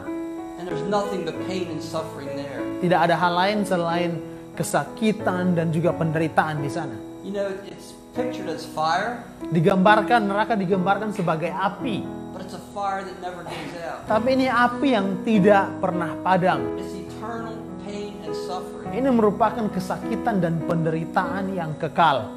And the greatest pain and suffering Dan penderitaan yang paling besar dan juga kesakitan yang paling besar sebenarnya is a total separation from God. adalah perpisahan total dengan Allah. Do you care about that person Nah, kalau kita punya gambar ini, apakah kita peduli dengan orang-orang yang terhilang ini? Christ, Yang tidak kenal Kristus. today, Yang kalau mereka mati malam ini, hell? akan berakhir di neraka. Itu, itulah yang harus membuat kita ini berduka. Kita harus menangisi jiwa-jiwa yang tidak punya harapan dan akan berakhir di neraka. If you're satisfied that you're just Kalau saudaranya cukup bahagia puas karena saudara jadi orang Kristen akan ada di surga, saudara melewatkan poin pentingnya. Memang ini satu hal yang harus kita uh, menjadi hal yang kita uh, harus menjadi sukacita kita, tapi tidak boleh berhenti sampai di sana. So Jadi saya ingin mendorong saudara semua, coba renungkan hal ini. Apakah saudara benar-benar percaya apa yang Alkitab katakan? Do you believe that you can have perfect peace? Apakah saudara percaya saudara bisa mendapatkan uh, sukacita, damai sejahtera yang sempurna? No matter what happens in your life, Apa pun yang terjadi dalam hidup saudara. do you believe that God truly loves you? Dan apakah saudara percaya bahwa Tuhan benar-benar mengasihimu? Do you truly Dan percayakah saudara bahwa Tuhan masih duduk di tahtanya? dan dia masih aktif dalam dunia ini.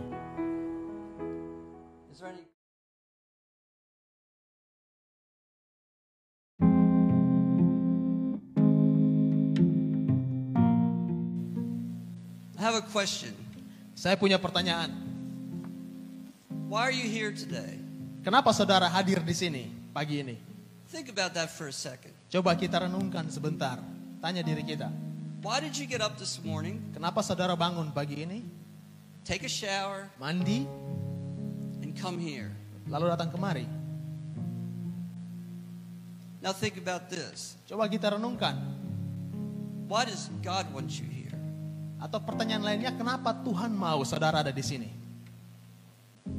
Why do you think God says, do not forsake the assembling of yourselves together? Kenapa firman Tuhan bilang jangan jauhkan diri dari pertemuan-pertemuan ibadah kamu? Why does He want us to come together? Kenapa Tuhan mau kita berkumpul bersama? Have you come here to hear good music? Apakah saudara datang sini untuk mendengar musik yang bagus? Have you come here to hear an inspirational sermon? Atau saudara datang ke sini untuk mendengar khotbah yang inspirasional? They're good things, Itu hal yang baik. That's not the reason we should be here. Tapi itu tidak boleh menjadi alasan kenapa kita hadir di sini. We should be here today to worship God, Kita harus hadir di sini terlebih untuk menyembah Tuhan, the creator of the universe, pencipta alam semesta, the one who sent his son Jesus Christ yang mengirimkan anaknya Yesus Kristus to die for our sins, untuk mati bagi dosa-dosa kita, the one who saved us. yang menyelamatkan kita. We are only here today Kita hanya ada di sini because he saved us. karena Dia sudah menyelamatkan kita. If it wasn't for Jesus Christ, Karena kalau bukan karena Yesus Kristus, we'd have no reason to come together today. kita tidak punya alasan untuk ada di sini pagi ini.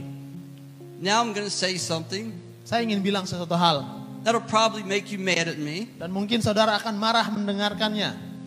If our goal is to worship God, Kalau tujuan kita menyembah Tuhan, we need to put away our phones. maka kita perlu menyingkirkan handphone-handphone kita.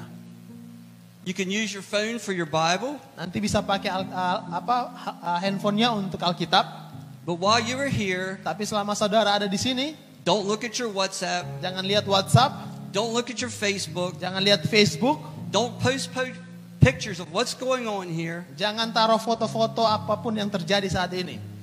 Every time you look at your phone, Karena setiap kali saudara lihat HP saudara, you tell God that He's not important. saudara sedang bilang pada Tuhan kamu tidak penting. You're telling Him that your WhatsApp's more important than He is. Saudara sedang bilang pada Tuhan bahwa WhatsApp saya ini lebih penting. You're telling Him your friends are more important than He is. Saudara sedang bilang, oh teman-teman saya ini lebih penting daripada Tuhan. We are here to worship Him. Kita ada di sini untuk menyembah Tuhan. We need to remember that. Kita harus ingat itu terus.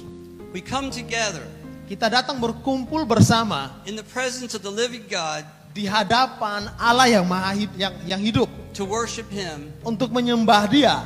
We can check our WhatsApp later. Kita bisa cek WhatsApp nanti kemudian. We can post pictures later. Kita bisa posting foto nanti kemudian. But this time is Tapi- about Him. Waktu ini hanya untuk Dia. Today, the, the title of the message today is this Judul dari pesan saya hari ini adalah The Church, Gereja, God's plan to fill heaven. rencana Allah untuk memenuhkan surga. You see, God had a plan. Saudara lihat bahwa Allah itu punya rencana. He tells us in John 3:16, Dia bilang dalam Yohanes 3 ayat 16, "For God so loved the world karena begitu besarnya kasih Allah bagi dunia, that he gave his only begotten son, sehingga ia memberikan anaknya yang tunggal, that so whoever believe on him would have everlasting life." supaya siapa pun yang percaya kepadanya akan memperoleh hidup kekal. He also tells us he desires that no one should perish, Dan Alkitab bilang di ayat selanjutnya, dia tidak berkehendak agar satu orang pun binasa. but how is that going to happen? Tapi bagaimana caranya itu bisa terjadi? God doesn't sit up in heaven Tuhan tidak hanya duduk-duduk di surga, and point his finger, lalu tunjuk, this person's saved. ini selamat. Oh, now that person's Oh itu saved. sana juga selamat. Now this one's Oh saved. yang ini selamat juga. He could do that. Dia bisa lakukan itu. He's God. Dia Tuhan, He's sovereign. dia berkuasa. But that's not how he chose. Tapi bukan begitu cara dia memilih. In 2 Corinthians chapter 5, Dalam 2 Korintus pasal 5, 18, 19, and 20, ayat 18, 19, dan 20. he tells us he has given us the ministry of reconciliation. Alkitab bilang Tuhan berikan kepada kita pelayanan pendamaian. That we are the ones that help others to see that they need to be reconciled to God as we were. Kita lah akan dipakai Tuhan untuk menolong orang lain melihat Kristus, melihat Yesus apa adanya. He says we are his ambassadors. Dikatakan kitalah utusan-utusan Tuhan. That's in verse 20. Di ayat 20. In Acts chapter 1, verse 8, Di dalam uh, kisah para rasul 1 ayat 8. he says, You are my witnesses. Dikatakan kamu adalah saksiku. In Matthew chapter 28, 19, and 20, Di Matius uh, 20 he says, Go and make disciples. dikatakan pergilah dan jadikanlah murid. So God has chosen Jadi Tuhan sudah memilih to use us. untuk memakai kita. He's chosen to use us as his believers, as his children, Dia memutuskan untuk memakai kita anak-anaknya to spread the word. untuk memberitakan firman-Nya. But it goes a little deeper than that. Tapi lebih dalam lagi daripada itu, If we look at Ephesians chapter 4, verses 11 to 16, kalau kita lihat dalam Efesus pasal 4 ayat 11 sampai 16. you can read that. Efesus pasal 4 ayat 11 sampai dengan 16. Dan ialah yang memberikan baik rasul-rasul maupun nabi-nabi, baik pemberita-pemberita Injil maupun gembala-gembala dan pengajar-pengajar untuk memperlengkapi orang-orang kudus bagi pekerjaan pelayanan bagi pembangunan tubuh Kristus sampai kita semua telah mencapai kesatuan iman dan pengetahuan yang benar tentang anak Allah, kedewasaan penuh dan tingkat pertumbuhan yang sesuai dengan kepenuhan Kristus. Sehingga kita bukan lagi anak-anak yang diombang-ambingkan oleh rupa-rupa angin pengajaran yang oleh permainan palsu manusia dalam kelicikan mereka yang menyesatkan. Tetapi dengan teguh berpegang kepada kebenaran di dalam kasih kita kita bertumbuh di dalam segala hal ke arah Dia Kristus yang adalah kepala. Daripadanya lah seluruh tubuh yang rapi tersusun dan diikat menjadi satu uh, oleh pelayanan semua bagiannya sesuai dengan kadar pekerjaan tiap-tiap anggota menerima pertumbuhannya dan membangun dirinya dalam kasih. It tells us in verse 11 Dikatakan dalam ayat yang ke-11 that he personally gave bahwa dialah yang memberikan secara pribadi apostles, prophets, evangelists, and pastors and teachers. rasul-rasul, nabi-nabi, pemberita-pemberita dan gembala-gembala. So we see he's telling us, I'm not expecting you to do this alone. Jadi Tuhan sedang bilang, saya tidak mau kamu melakukan ini sendiri. He's raised up people to help us. Dia membangkitkan orang-orang untuk kita saling membantu. Because we see in verse 12, Karena di ayat 12, what are these guys' jobs? apa tugas orang-orang lain dalam gereja ini? It says, for the training of the saints in the work of ministry. Dikatakan untuk memperlengkapi orang-orang kudus bagi pekerjaan pelayanan. Maybe you're here today Mungkin saudara hadir pagi ini. and you think it's Pastor Yusuf's job to go out and evangelize the world. Mungkin saudara berpikir, oh ini pen- ah, tugasnya pendeta Yusuf saja untuk keluar dan menginjil. It's his job to visit everybody in the hospital. Ini tugasnya dia saja untuk pergi mengunjungi orang-orang di rumah sakit. It's his job to counsel each and every one of you. Hanya tugasnya pendeta Yusuf saja untuk lakukan konseling. Unfortunately, you're wrong. Sayang sekali saudara salah. Yes, he should be involved in that stuff. Benar, beliau harus terlibat dalam hal ini. But notice what it says here. Tapi perhatikan apa yang Alkitab katakan. For the training of the saints for the work of ministry. Untuk memperlengkapi orang-orang kudus bagi pekerjaan pelayanan. We, each one of us, are supposed to be involved in the ministry. Kita semua satu persatu harus terlibat di dalam pelayanan. Some of us have the gift of mercy. Ada yang punya karunia belas kasihan. We'd be great for doing hospital visitation Orang-orang seperti ini co- cocok untuk melakukan pelayanan ke rumah sakit. or comforting someone who's having problems. Menghibur orang-orang yang punya masalah. You see, God has chosen us Tuhan sudah pilih kita to do the work of ministry. untuk melakukan pekerjaan pelayanan. Not just as we say in the U.S., the hired gun. Bukan bukan bukan cuma sekedar seperti yang dikatakan di Amerika seperti senjata sewaan. We have to remember this. Kita harus ingat ini. It goes on to say that that we tr- were trained in the work of ministry Dikatakan kita diperlengkapi untuk pekerjaan pelayanan to build up the body of Christ. bagi pembangunan tubuh Kristus. You see, we're supposed to build up the body of Christ. Kita harus membangun tubuh Kristus. The body of Christ is everyone Karena tubuh Kristus adalah setiap kita who knows Christ. yang mengenal Kristus. The saints are every Christian. Orang-orang kudus itu adalah setiap kita orang Kristen. So one of our jobs is to build it up, build Jadi- up the body of Christ. Tugas kita adalah untuk membangun tubuh Kristus ini. But the body of, um, but it goes a little further than that. Tapi lebih dalam daripada itu. We not only build up the body of Christ spiritually within, Kita bukan saja membangun tubuh Kristus secara rohani dari dalam. by our ministry outside, Dengan pelayanan kita keluar, while we are working, saat kita juga ber- bekerja, while we're going to school, saat kita ke sekolah, while we're in the market, saat kita di pasar, is to help to build up the body of Christ physically also. itu juga bagian dari membangun tubuh Kristus secara fisik. You see, we need to be we need to be built up and trained and grow spiritually, Jadi kita perlu untuk dibangun dan kita perlu untuk bertumbuh secara rohani. but we need to bring others into the body. Tapi ingat, kita juga perlu untuk membawa orang lain masuk dalam tubuh Kristus. So we see we have a pretty important job. Jadi kita sebagai orang percaya punya tugas yang sangat penting. In 13 it says, until we all reach unity in the faith in the knowledge of God's Son. Ayat 13 bilang sampai kita semua telah mencapai kesatuan iman dan pengetahuan yang benar tentang anak Allah. You see, each one of us needs to grow in knowledge, Jadi kita semua harus bertumbuh dalam pengenalan. but then we need to use that knowledge. Tapi kita harus memakai pengenalan itu, pengetahuan itu. And it's very important. Dan sangat penting It's very important that we understand the Word of God. bahwa kita semua paham, mengerti firman Tuhan. In verse 14, it tells us why. Ayat 14 bilang kenapa? Then we will no longer be little children tossed by the waves and blown around by every wind of teaching. Sehingga kita bukan lagi anak-anak yang diombang-ambingkan oleh rupa-rupa angin pengajaran. You see, every day Setiap hari there's more and more false teachers. ada makin banyak pengajar-pengajar sesat. There's more and more stuff out there that's not true, Ada banyak hal-hal di luar sana yang tidak benar. that's counter to the Word of God. Yang bertentangan dengan firman Tuhan. And the only way we can fight that Dan satu-satunya cara kita bisa lawan is to know the Word of God. adalah dengan mengenal firman Tuhan.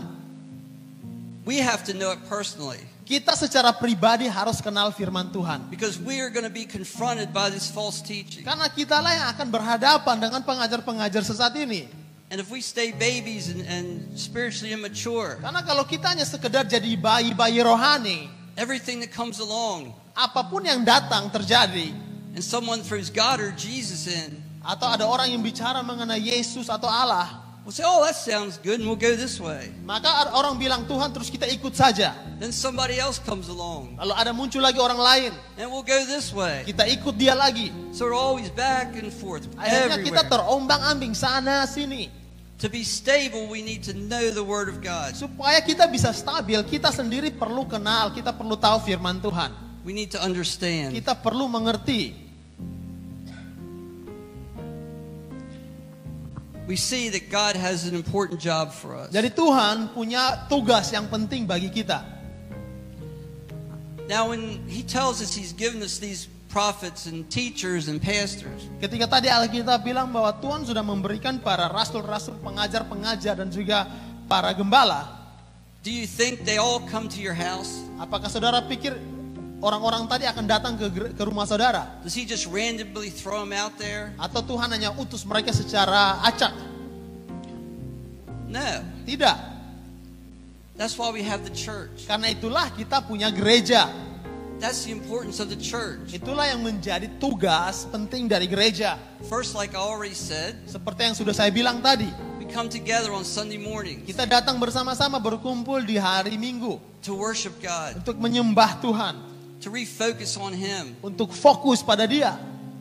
But the church is also important Tapi gereja itu juga penting for training and teaching, untuk memperlengkapi, melatih dan mengajar. for helping us to work through the issues of life. Untuk membantu kita menghadapi masalah-masalah dalam kehidupan. In Acts chapter 2, verses 41 to 47, Dalam kisah pasal kisah para rasul pasal 2 ayat 40 dan 61, this is the early church. ini cerita mengenai gereja mula-mula. It says, So those who accepted his, his message were baptized, and that day about 3,000 people were added. Dikatakan bahwa mereka yang menerima pesan firman Tuhan itu diselamatkan dan 3000 orang jumlahnya menyerahkan diri untuk dibaptis. Now notice what happened. Kita lihat apa yang terjadi berikutnya. They devoted themselves to the apostles' teaching, Mereka memberikan diri pada pengajaran para rasul to fellowship, untuk bersekutu, to the breaking of bread, memecahkan roti and to prayers. dan berdoa. You see, they did life together. Mereka menjalani hidup ini bersama-sama. They didn't just come together on Sunday morning Orang-orang gereja mula-mula tidak sekedar kumpul hari Minggu saja hear good music and a good message. atau hanya datang untuk mendengar musik yang bagus atau uh, firman yang bagus. They did life together. Mereka menjalani hidup sehari-hari bersama-sama. They fellowship together. Mereka bersekutu bersama. They encouraged each other. Mereka saling mendukung, saling mendorong, They listened to the apostles' teaching. mendengarkan pengajaran para rasul. So they were learning. Jadi mereka belajar. In 1 Corinthians chapter 12 verses 27 to 31, 1 Korintus 12 ayat 27 sampai dengan 31 it talks about coming together in unity. uh, bicara mengenai bagaimana kita berkumpul dalam kesatuan. You see, God is all about unity. Tuhan kita itu Tuhan yang menyukai kesatuan. If there's confusion in a situation, Karena kalau ada kebingungan, that's not from God. itu bukan dari Tuhan. God is a God of order. Tuhan yang kita sembah, Tuhan yang punya aturan. God is a God of unity. Tuhan yang punya kesatuan. He expects us to be unified Dia mau agar kita semua bersatu and be going in the same direction. dan jalan pada da- pada jalur yang sama.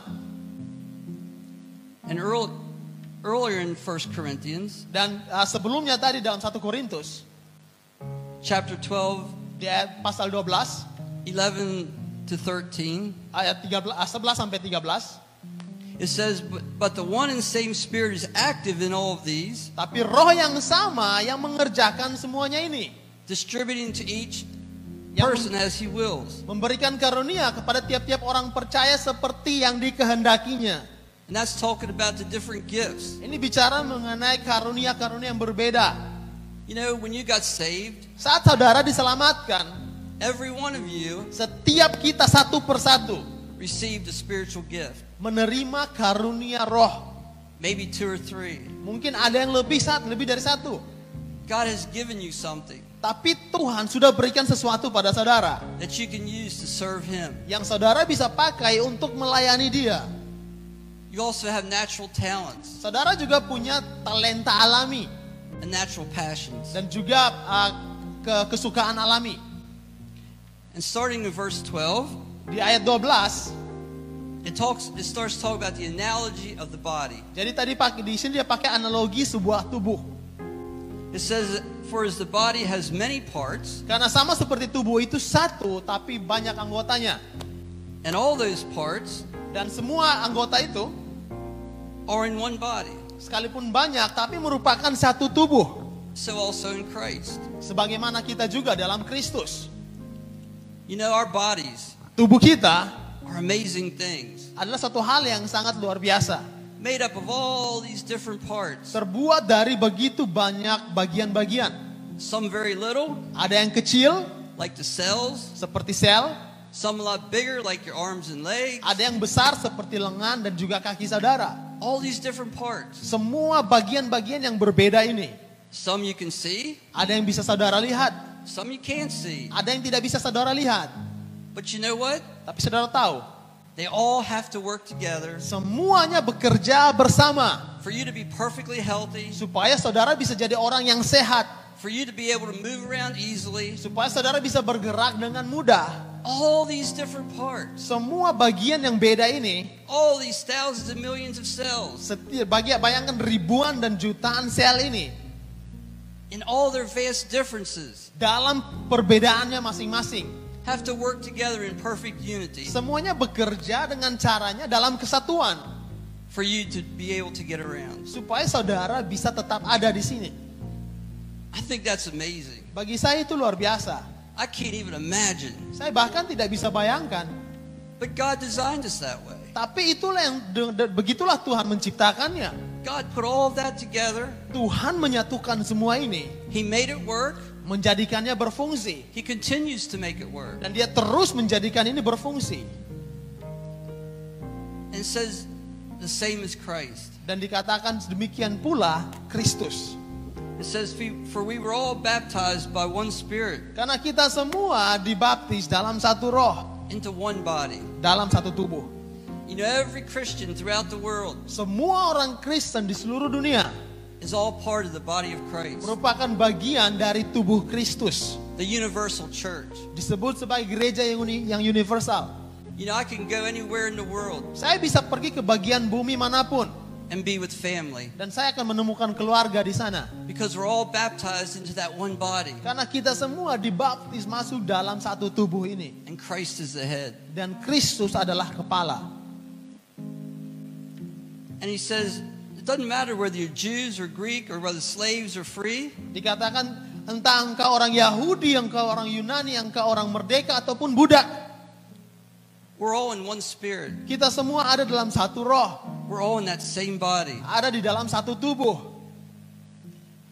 It says in 14, Di ayat yang ke-14, So the body is not one part, but many. karena tubuh juga tidak terdiri dari satu anggota tapi atas banyak anggota. And you know, just like our physical body, Sama seperti tubuh fisik kita. the body of Christ Tubuh Kristus is made up a lot of different people. Di- terdiri dari orang-orang yang berbeda juga. You know, each one of you has a different personality. Masing-masing dari saudara punya kepribadian yang berbeda. Each of you has a different background. Setiap kita punya latar belakang yang berbeda. You have different educations. Saudara punya latar belakang pendidikan yang berbeda. You have different gifts and passions and talents. Saudara punya talenta, punya karunia yang berbeda. We are all so very different. Kita semua berbeda.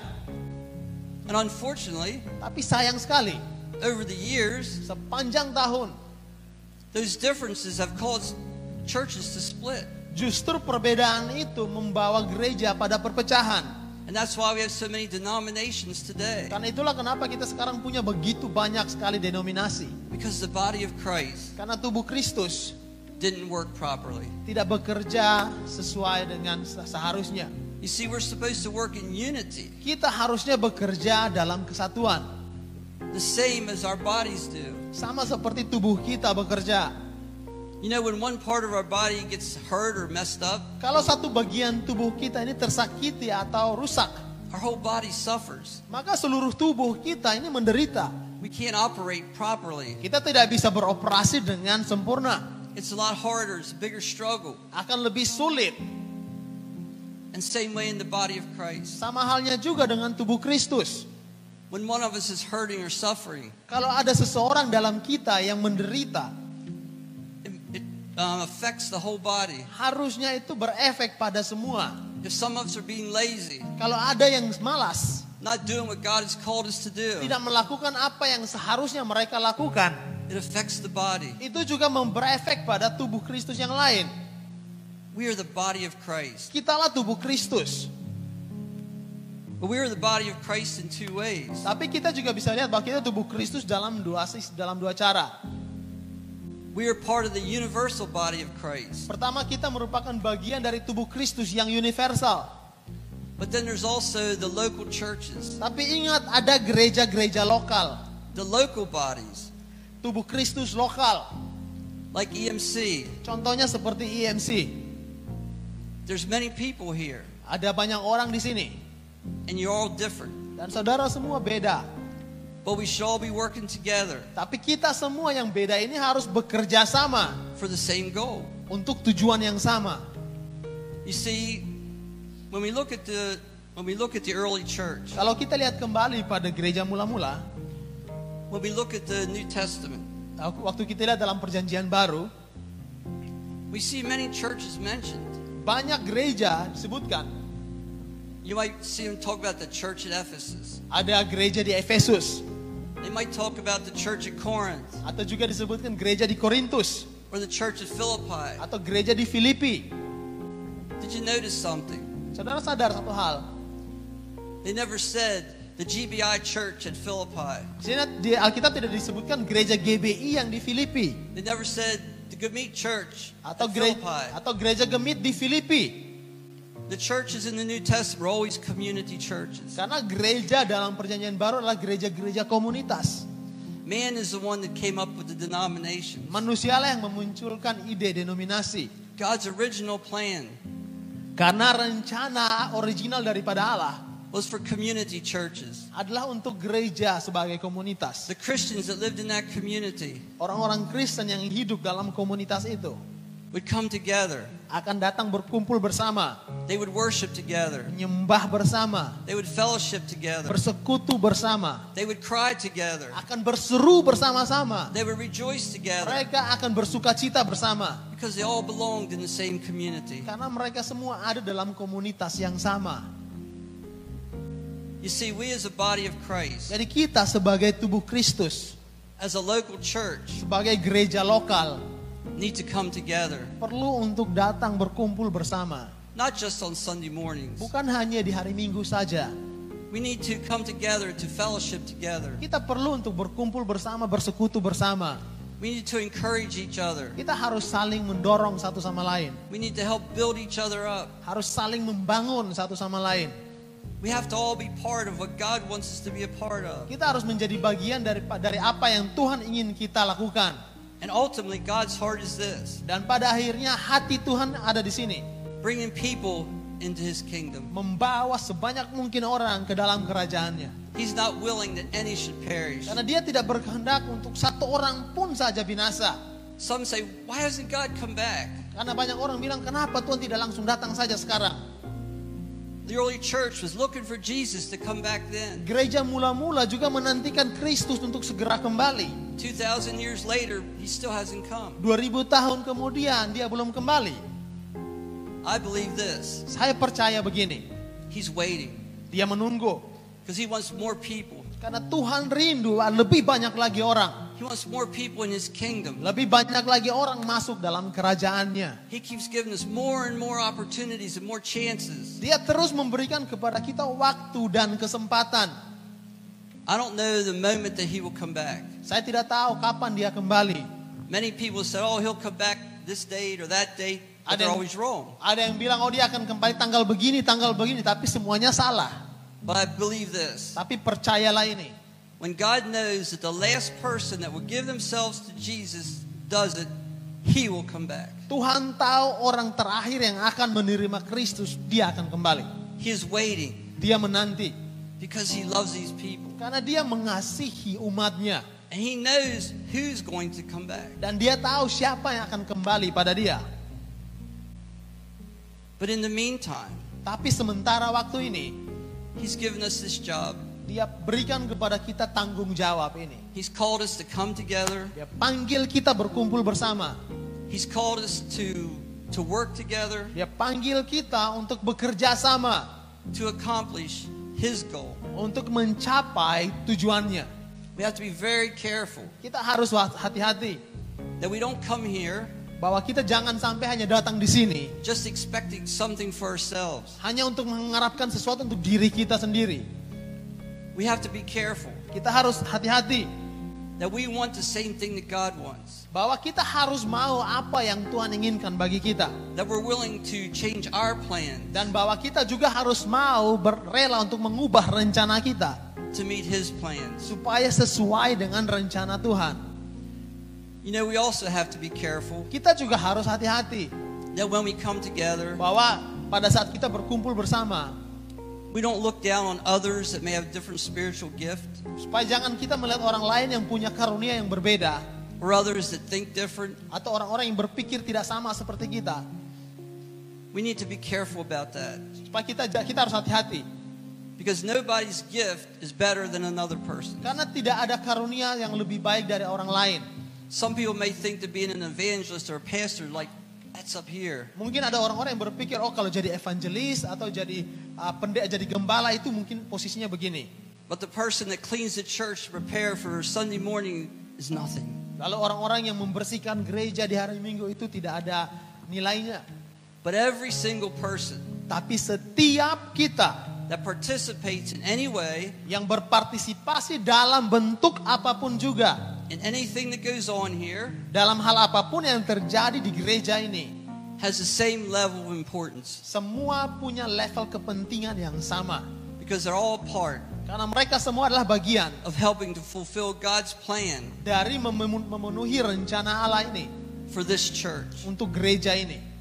You see, it's so important Sangat penting sekali that we understand this supaya kita pahami that there's no gift that's better or worse. bahwa tidak ada karunia yang lebih baik atau lebih buruk dari yang lain. The issue is this Masalahnya biasa begini. Are you being obedient to what God's called you to do? Apakah saudara sendiri secara pribadi sedang taat pada apa yang Tuhan perintahkan saudara lakukan? If God's called you to be a pastor, that's great. Kalau Tuhan panggil saudara jadi gembala, bagus. But if God's called you to serve by cleaning the floor, greeting people at the door, Tapi kalau Tuhan panggil saudara untuk menjadi orang yang bersih-bersih gereja atau menyapa orang yang masuk, and you do that, dan saudara lakukan itu, that's great too. itu juga bagus. God looks at it the same Karena Tuhan pandang kita semua sama. because He cares about obedience, Karena Tuhan lebih pentingkan ketaatan, not about what you're doing. bukan soal apa yang saudara lakukan. So we see that the local church Jadi kita lihat di sini kita sebagai gereja lokal is a body of different people, adalah satu tubuh dari orang-orang yang berbeda. all important, Semua orang penting all that can help accomplish the goals that God has. dan semua kita bisa saling saling membantu untuk mencapai apa yang Tuhan inginkan. We see that in the local church Kita lihat dalam gereja lokal that the Bible, in, as far as the local church, bahwa untuk gereja kalau diaplikasi uh, dalam gereja lokal has set up leaders. sudah menetapkan para pemimpin-pemimpin. You know, there's some kind of organization to it, Ada semacam organisasi and there's different people that are called to be part of that. dan ada orang-orang berbeda yang dipanggil untuk menjadi bagian di dalamnya. Because the Bible talks about elders and deacons and deaconesses. Karena Alkitab berbicara, berbicara mengenai penatua, diaken. And so that gives you the idea there must be some kind of structure. Jadi kalau saudara lihat, kita dapat gambaran, oh ada strukturnya. And as leaders of the church, Dan sebagai para pemimpin gereja, we saw earlier that their job is to train and teach us for ministry. kita lihat tadi bahwa tugas mereka adalah untuk memperlengkapi kita supaya kita juga melakukan pelayanan. In Trinity, Di Trinity misalnya, we just started studying the Sermon on the Mount kita baru saja kemarin mempelajari khotbah di bukit in Matthew. di Matius. And it tells us right in the very beginning Dan di permulaannya that Jesus saw the multitudes of people, dikatakan bagaimana Yesus melihat begitu banyak orang, but he went up on the mountain. tapi justru dia naik ke atas gunung. He didn't preach that multitude of people. Dia tidak turun khotbah pada ribuan orang itu. He went up on the mountain, Dia naik ke atas gunung. and the disciples came around, Lalu datanglah murid-muridnya and he taught the disciples. dan dia mengajar para murid. The whole Sermon on the Mount, Matthew 5, 6, and 7, Kalau saudara lihat khotbah di bukit dalam Matius 5 is Jesus teaching the disciples. adalah Yesus sedang mengajar murid-muridnya. So that just shows Jadi itu menunjukkan if we follow his example, kalau kita mau ikut contoh atau teladan dari Yesus, there will be people in the local church maka akan ada orang-orang dalam gereja lokal, that are called to help train others. ada akan ada orang-orang yang dipanggil untuk saling melengkapi orang lain, melatih orang lain.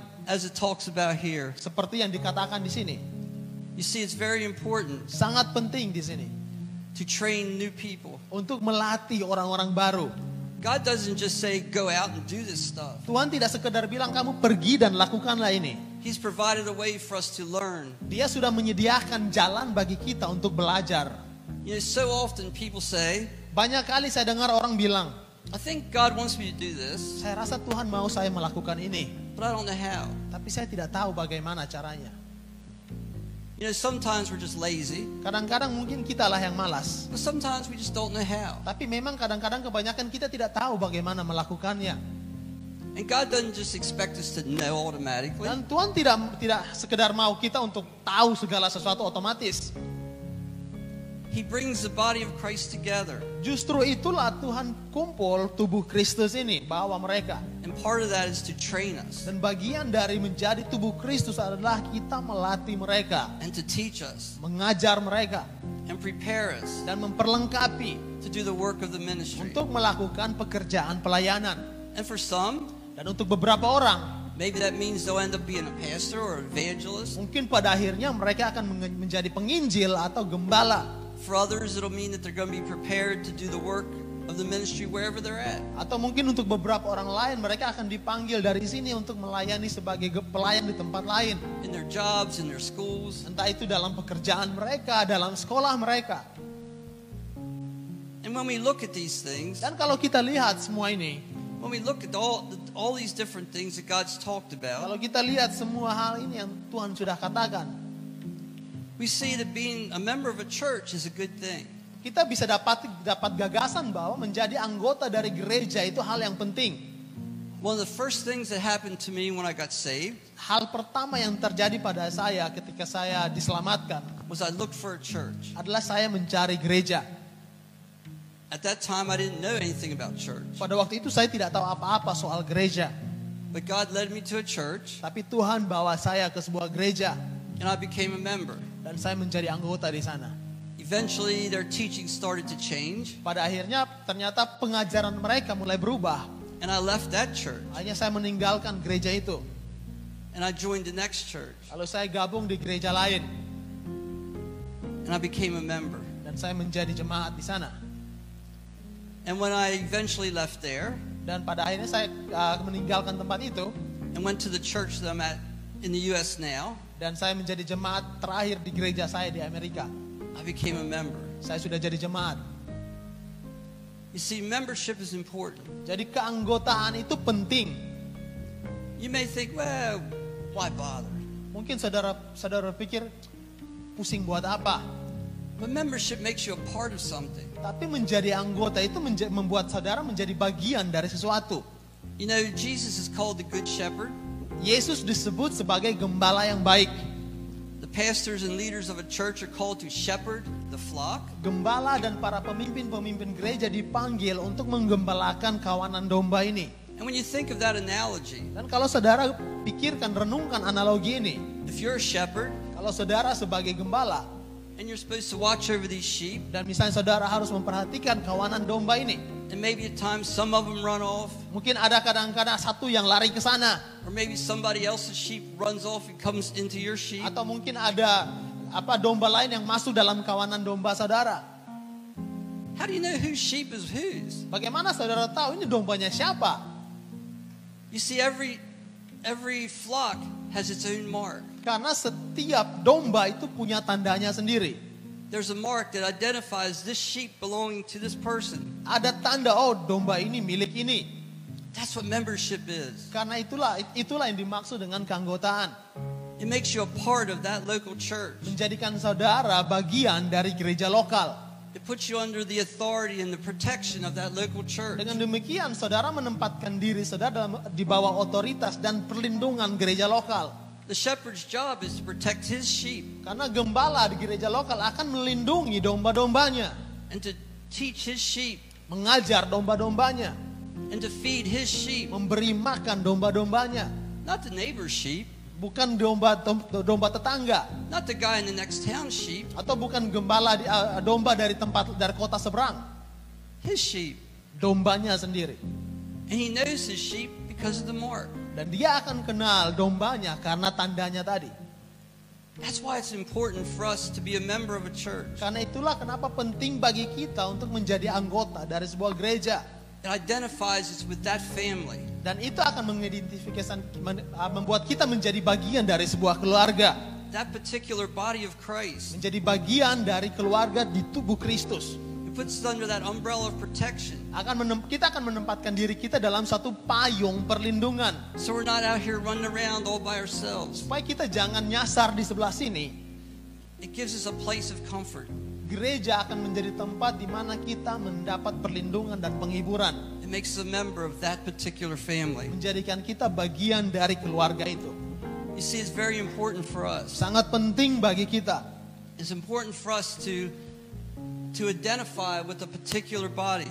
Sangat penting bagi kita supaya kita menjadi bagian dari tubuh Kristus ini. And not just be floating around, I'll go to this one this week, that one another week, this one another week.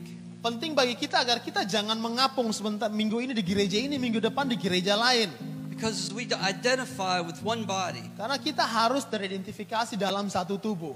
and we fellowship together Dan kita bersekutu bersama. And we cry together Kita menangis bersama. and we rejoice together. Kita bersuka cita bersama. We start to be unified Dan kita mulai untuk dipersatukan. and together Dan bersama-sama we can fulfill the vision of that particular church that God's bisa given. Sama-sama memenuhi visi dari gereja lokal di mana Tuhan panggil kita menjadi bagian di dalamnya. We can work together to reach the community for Christ. Dan kita bisa bekerja bersama-sama untuk menjangkau komunitas masyarakat kita bagi Kristus. We'll have a place of safety to go when we're hurting. Kita punya tempat di mana kita tahu kita harus datang ke sana saat kita tersakiti. Karena kita tahu ada grup tempat-tempat tertentu yang tahu kita harus panggil mereka, telepon mereka ketika kita tersakiti. Because we are a family. Karena kita ini adalah keluarga. That's one of the things that God taught me very early on. Inilah yang Tuhan ajarkan pada saya di awal-awal hari pertobatan saya. That we need to come together, Kita perlu untuk berkumpul bersama, not just in a loose community, bukan hanya di satu satu komunitas yang lepas, but in a tight community. tapi dalam satu komunitas yang erat. You can look at the local church Saudara bisa lihat gereja lokal like your immediate family. seperti saudara atau keluarga langsung saudara. You know, the, the mother, the father, the kids, the grandparents. Saudara dalam keluarga kan punya bapak, ibu, opa, oma, They're the close family. keluarga dekat. And we can look at the universal church Kita juga bisa lihat gereja universal as the extended family. sebagai keluarga jauh kita. Like the great uncles, the third and fourth cousins, and all the others. Misalnya om, tante, sepupu-sepupu ini. You know, they're part of our family, Mereka bagian dari keluarga juga. but we don't have as much contact with them. Tapi biasanya orang-orang seperti ini kita tidak punya kontak langsung. But our close family, Tapi kita di sini punya keluarga dekat. when we're hurting, we can go to them. Saat kita tersakiti kita tahu harus ke mana. They're there to help us. Karena mereka pasti ada untuk menolong kita. They're there, as far as the church goes, is to help train us, Karena sebagai gereja kita juga akan saling melatih. to help us be equipped to do the work of the work that God has given us to do. Untuk saling memperlengkapi melakukan apa yang sudah Tuhan panggil pada kita untuk lakukan. So I don't know what your, you know, what your attitude has been about church membership. Saya tidak tahu bagaimana saudara pandang atau saudara lihat keanggotaan jemaat. But I hope you'll really consider it, Tapi saya harap saudara pertimbangkan. but not just become a member, Tapi ingat bukan sekedar jadi jemaat. Become an active member. Jadilah jemaat yang aktif. You see, God didn't just call us to come together to hang around. Tuhan tidak panggil kita jadi jemaat hanya untuk kumpul-kumpul saja. Yeah, it's good to hang out. Baik kita bisa kumpul bersama. It's good to just fellowship and do some fun things. Memang baik kita bisa berkumpul, bersekutu, lakukan hal bersama-sama. But He didn't just call us to come together just to hang out. Tapi ingat Tuhan tidak panggil kita hanya sekedar untuk kumpul-kumpul. The local church, Gereja lokal, this church, gereja ini should be a place where you can begin to use your spiritual gift. harus menjadi tempat di mana saudara bisa pakai karunia rohani saudara. Now, maybe there's some here that say, I don't know what my spiritual gift is. Mungkin ada saudara yang bilang, oh saya kan belum tahu karunia saya apa. And many of us don't, especially early on. Dan banyak dari kita kebanyakan tidak tahu. But as you become more and more involved in the local church, Tapi semakin saudara terlibat dalam gereja lokal, you'll start to learn what that gift is. saudara mulai mengenali apa yang menjadi karunia saudara. Either through your study Entah itu dari pembelajaran saudara, or maybe somebody else. atau mungkin dari orang lain. Somebody else might see something in you that you don't see in yourself. Karena sadar tidak sadar, percaya tidak percaya orang lain itu bisa melihat sesuatu dalam diri saudara. You know, when I got saved, Waktu saya diselamatkan, I had a very hard heart. saya punya hati yang keras. I didn't care about anything. Saya tidak pusingkan apa pun juga, I certainly didn't care about people or God. apalagi orang lain dan Tuhan. But God started to change me. Tapi Tuhan mulai ubahkan saya. And one day at the church I was at, Dan suatu hari di gereja saya, the pastor came to me pendetanya datang pada saya. and he said, I want you to go to talk to the guys that are drug addicts and um, alcoholics. Dia bilang, saya mau nanti kamu datang ikut sama-sama melayani orang-orang pecandu alkohol dan juga uh, obat-obatan. And my reaction was, Reaksi saya waktu itu, I don't care about them. saya bilang saya tidak pusing dengan mereka. Yeah, I know I was a bad person. Dulu saya orangnya buruk sekali. But that was that was the way I thought. Tapi begitulah cara pikir saya waktu itu. But he insisted. Tapi gembala saya ini paksa. He said, You've been there. Kamu sudah pernah masuk dalam komunitas mereka. You've seen what God can do in your life. Dan kamu lihat bagaimana apa yang Tuhan bisa lakukan dalam hidupmu. He said, I've never tasted a drop of alcohol. Saya tidak pernah tes namanya alkohol atau obat-obatan. I don't know anything about drugs. Saya tidak tahu apa-apa mengenai obat-obatan. I have no idea what they're going through. Saya tidak tahu apa yang mereka alami. Saya tidak pernah alami. But you do. Tapi kamu tahu. You see, he saw something in me that could be used for God that I never saw myself. Jadi pendeta saya lihat sesuatu dalam diri saya yang saya tidak bisa lihat. Before I made my first mission trip, Sebelum saya lakukan perjalanan misi pertama saya, I was the head of our missions committee in church. bayangkan saya sudah jadi kepala atau pimpinan dari uh, apa uh, bagian misi dalam gereja saya. which is kind of weird Aneh ya, because I didn't feel like a missions person. karena saya tidak merasa seperti orang seorang misi. I didn't really particularly care about people across the ocean or other places. Saya waktu itu tidak pusing, tidak berpikir mengenai orang-orang di luar pulau atau di seberang samudra. But my mentor said to me one day, Tapi mentor saya bilang pada saya begini suatu hari, Will you go to Haiti with me? mau tidak ikut bersama saya ke Haiti? And I'm like, Nah, I don't really want to go there. Saya bilang saya tidak mau ke sana. They're very poor, Orang-orang miskin, the weather's bad. cuacanya jelek di sana. I'm like, No, no, no. Saya tidak mau ke sana. But then I thought this Tapi saya kemudian pikir begini, I'm the head of the missions committee. saya kan pimpinan bagian misi. I better go on at least one mission trip. Paling tidak saya ikut satu kali mission trip. You know, I felt like it was a, a duty, a job I had to do. Jadi bagi saya, saya lakukan itu karena kewajiban saya sebagai kepala. So he took me to Haiti. Jadi saya ikut, dia bawa saya ke Haiti. And when I saw the people in that church, Dan waktu saya lihat orang-orang jemaat di gereja di sana, that very, very poor church, gereja yang sangat miskin itu, and I knew that when they left that church, saya sadar penuh ketika mereka keluar sebentar dari pintu gereja, they were going to go out here mereka akan tinggal di sebelah seberang sini. and live without electric, without water. Dan mereka orang-orang yang sama ini akan hidup tanpa air bersih, tanpa listrik. Many of them without food. Bahkan banyak dari mereka akan hidup tanpa makanan. God started to break my heart Saat itulah Tuhan menghancurkan hati saya. because they were worshiping God Karena di sini mereka menyembah Tuhan. like I had never seen before. Semangatnya tidak pernah saya temukan di mana-mana. And that started to change me. Dan itu mengubahkan saya. And when we, when we got back to the United States, Dan ketika saya kembali ke Amerika, I found out why my mentor wanted to take me. saya akhirnya mengerti kenapa mentor saya mau bawa saya ke sana. He said he saw leadership qualities in me, Dia bilang apa? Steve, saya lihat satu karunia kepemimpinan dalam diri kamu. and he wanted me to take over the ministry that he'd had for 50 years. Lalu kemudian dia serahkan pelayanan yang sudah dia pimpin selama 50 tahun kepada saya. And that was the beginning of what I do now. Dan itu menjadi permulaan dari apa yang saya lakukan sekarang. That was the beginning of changing my heart Itu merupakan bagian dari perubahan hati saya. and giving me a passion for the lost in other places. Dari situlah saya mendapat kerinduan untuk orang-orang terhilang ini.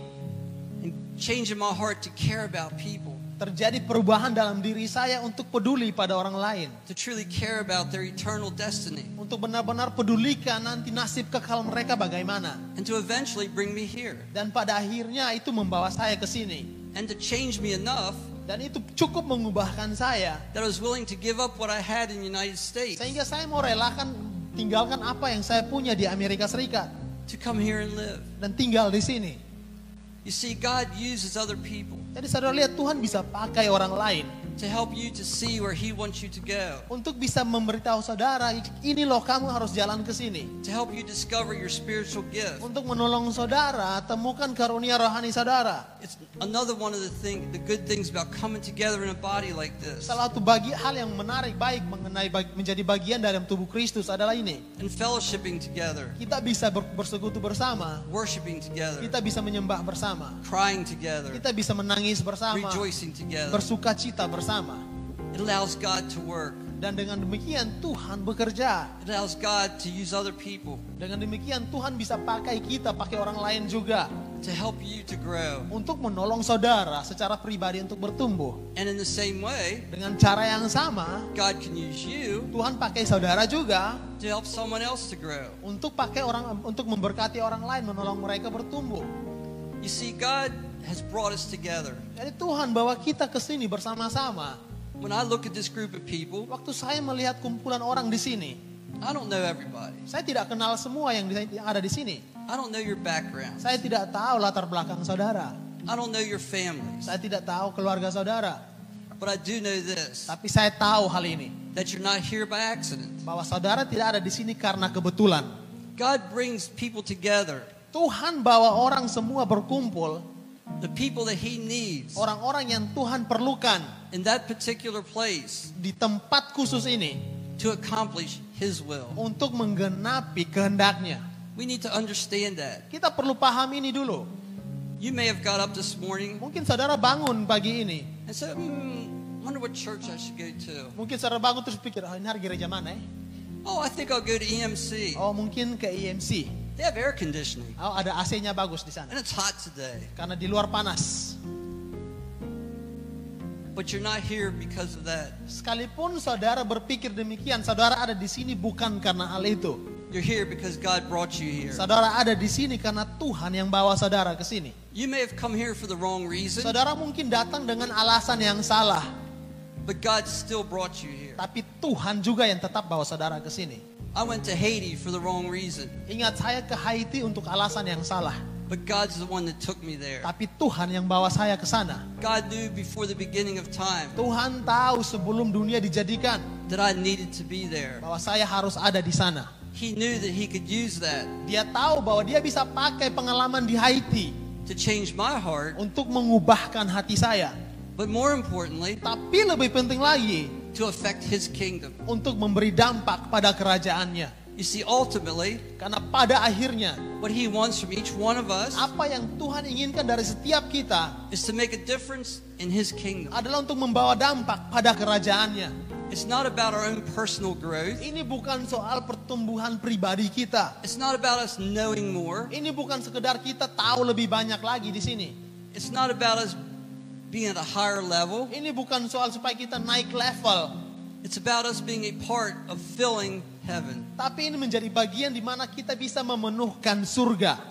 Now, yeah, we there's things we can do personally, Memang ada hal tertentu yang kita bisa lakukan secara pribadi, but there's also things we need to come together to do. tapi ada hal lain yang harus kita lakukan secara bersama-sama.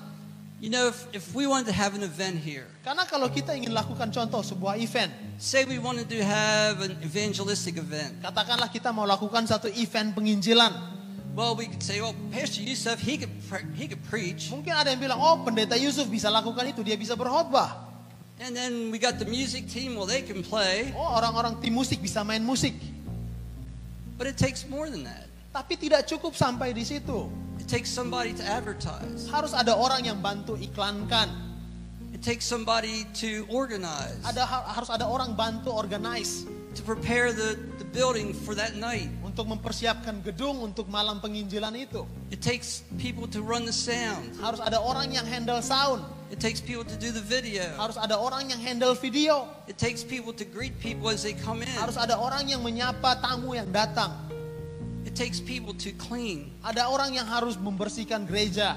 You see, to accomplish something, Untuk mencapai satu tujuan, it takes many different gifts and talents. butuh begitu banyak karunia yang berbeda dan talenta-talenta yang berbeda.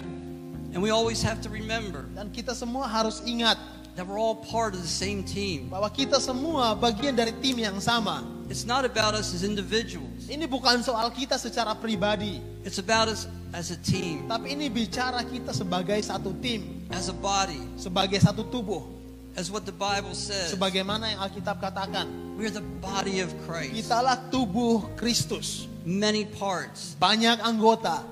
With many different talents, dengan talenta-talenta yang berbeda, many different backgrounds, latar belakang yang berbeda, but with one goal, tapi dengan satu tujuan, with one focus dengan satu fokus.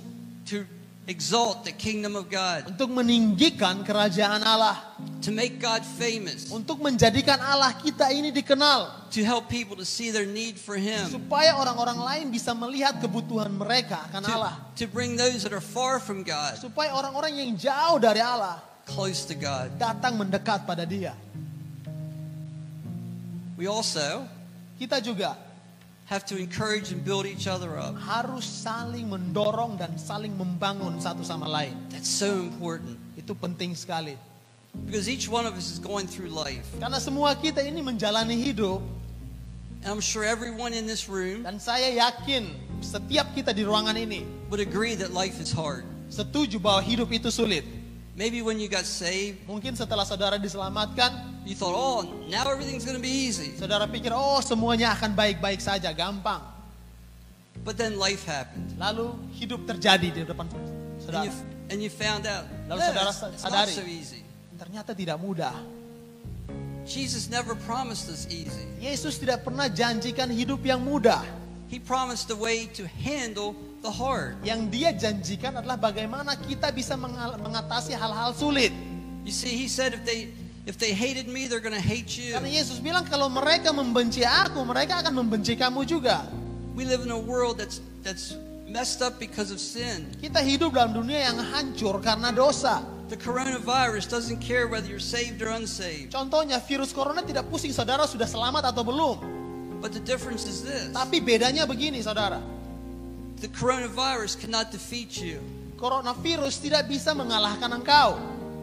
because you belong to God. Karena engkau milik Tuhan. If you get the coronavirus Kalau saudara dapat virus corona hari ini, and you die, saudara mati. you can rejoice Saudara bisa bersuka cita. because you're with God. Karena saudara akan bersama-sama dengan Allah. You see, God has given us a way to deal with the hard things. Tuhan memberikan kita cara bagaimana kita mengatasi mengala- mengalami kesulitan saat mengalami kesulitan. But you know, we're human. Tapi sebagai manusia, And when we're in the middle of a hard di time, tengah-tengah kesulitan kita, we don't always understand that. kita tidak selalu mengerti kenapa harus begini. It's easy to lose track of that. Karena sangat mudah kita kehilangan fokus dari situ. It's easy to forget. Sangat mudah kita lupa. But if we're in the body of Christ, Tapi kalau kita ada dalam tubuh Kristus, if we're coming together as God wants us to, kalau kita selalu berkumpul sebagaimana yang Tuhan inginkan, we have people kita punya orang-orang lain that can come alongside of us, put their arm around yang us, akan berdampingan dengan kita, merangkul kita. and to listen to us, Mereka akan mendengarkan cerita kita. and maybe cry with Dan us, mungkin orang-orang itu akan menangis bersama kita. and help us through that time. Dan menolong kita melewati masa sulit kita. That's an amazing thing. Itu hal yang luar biasa.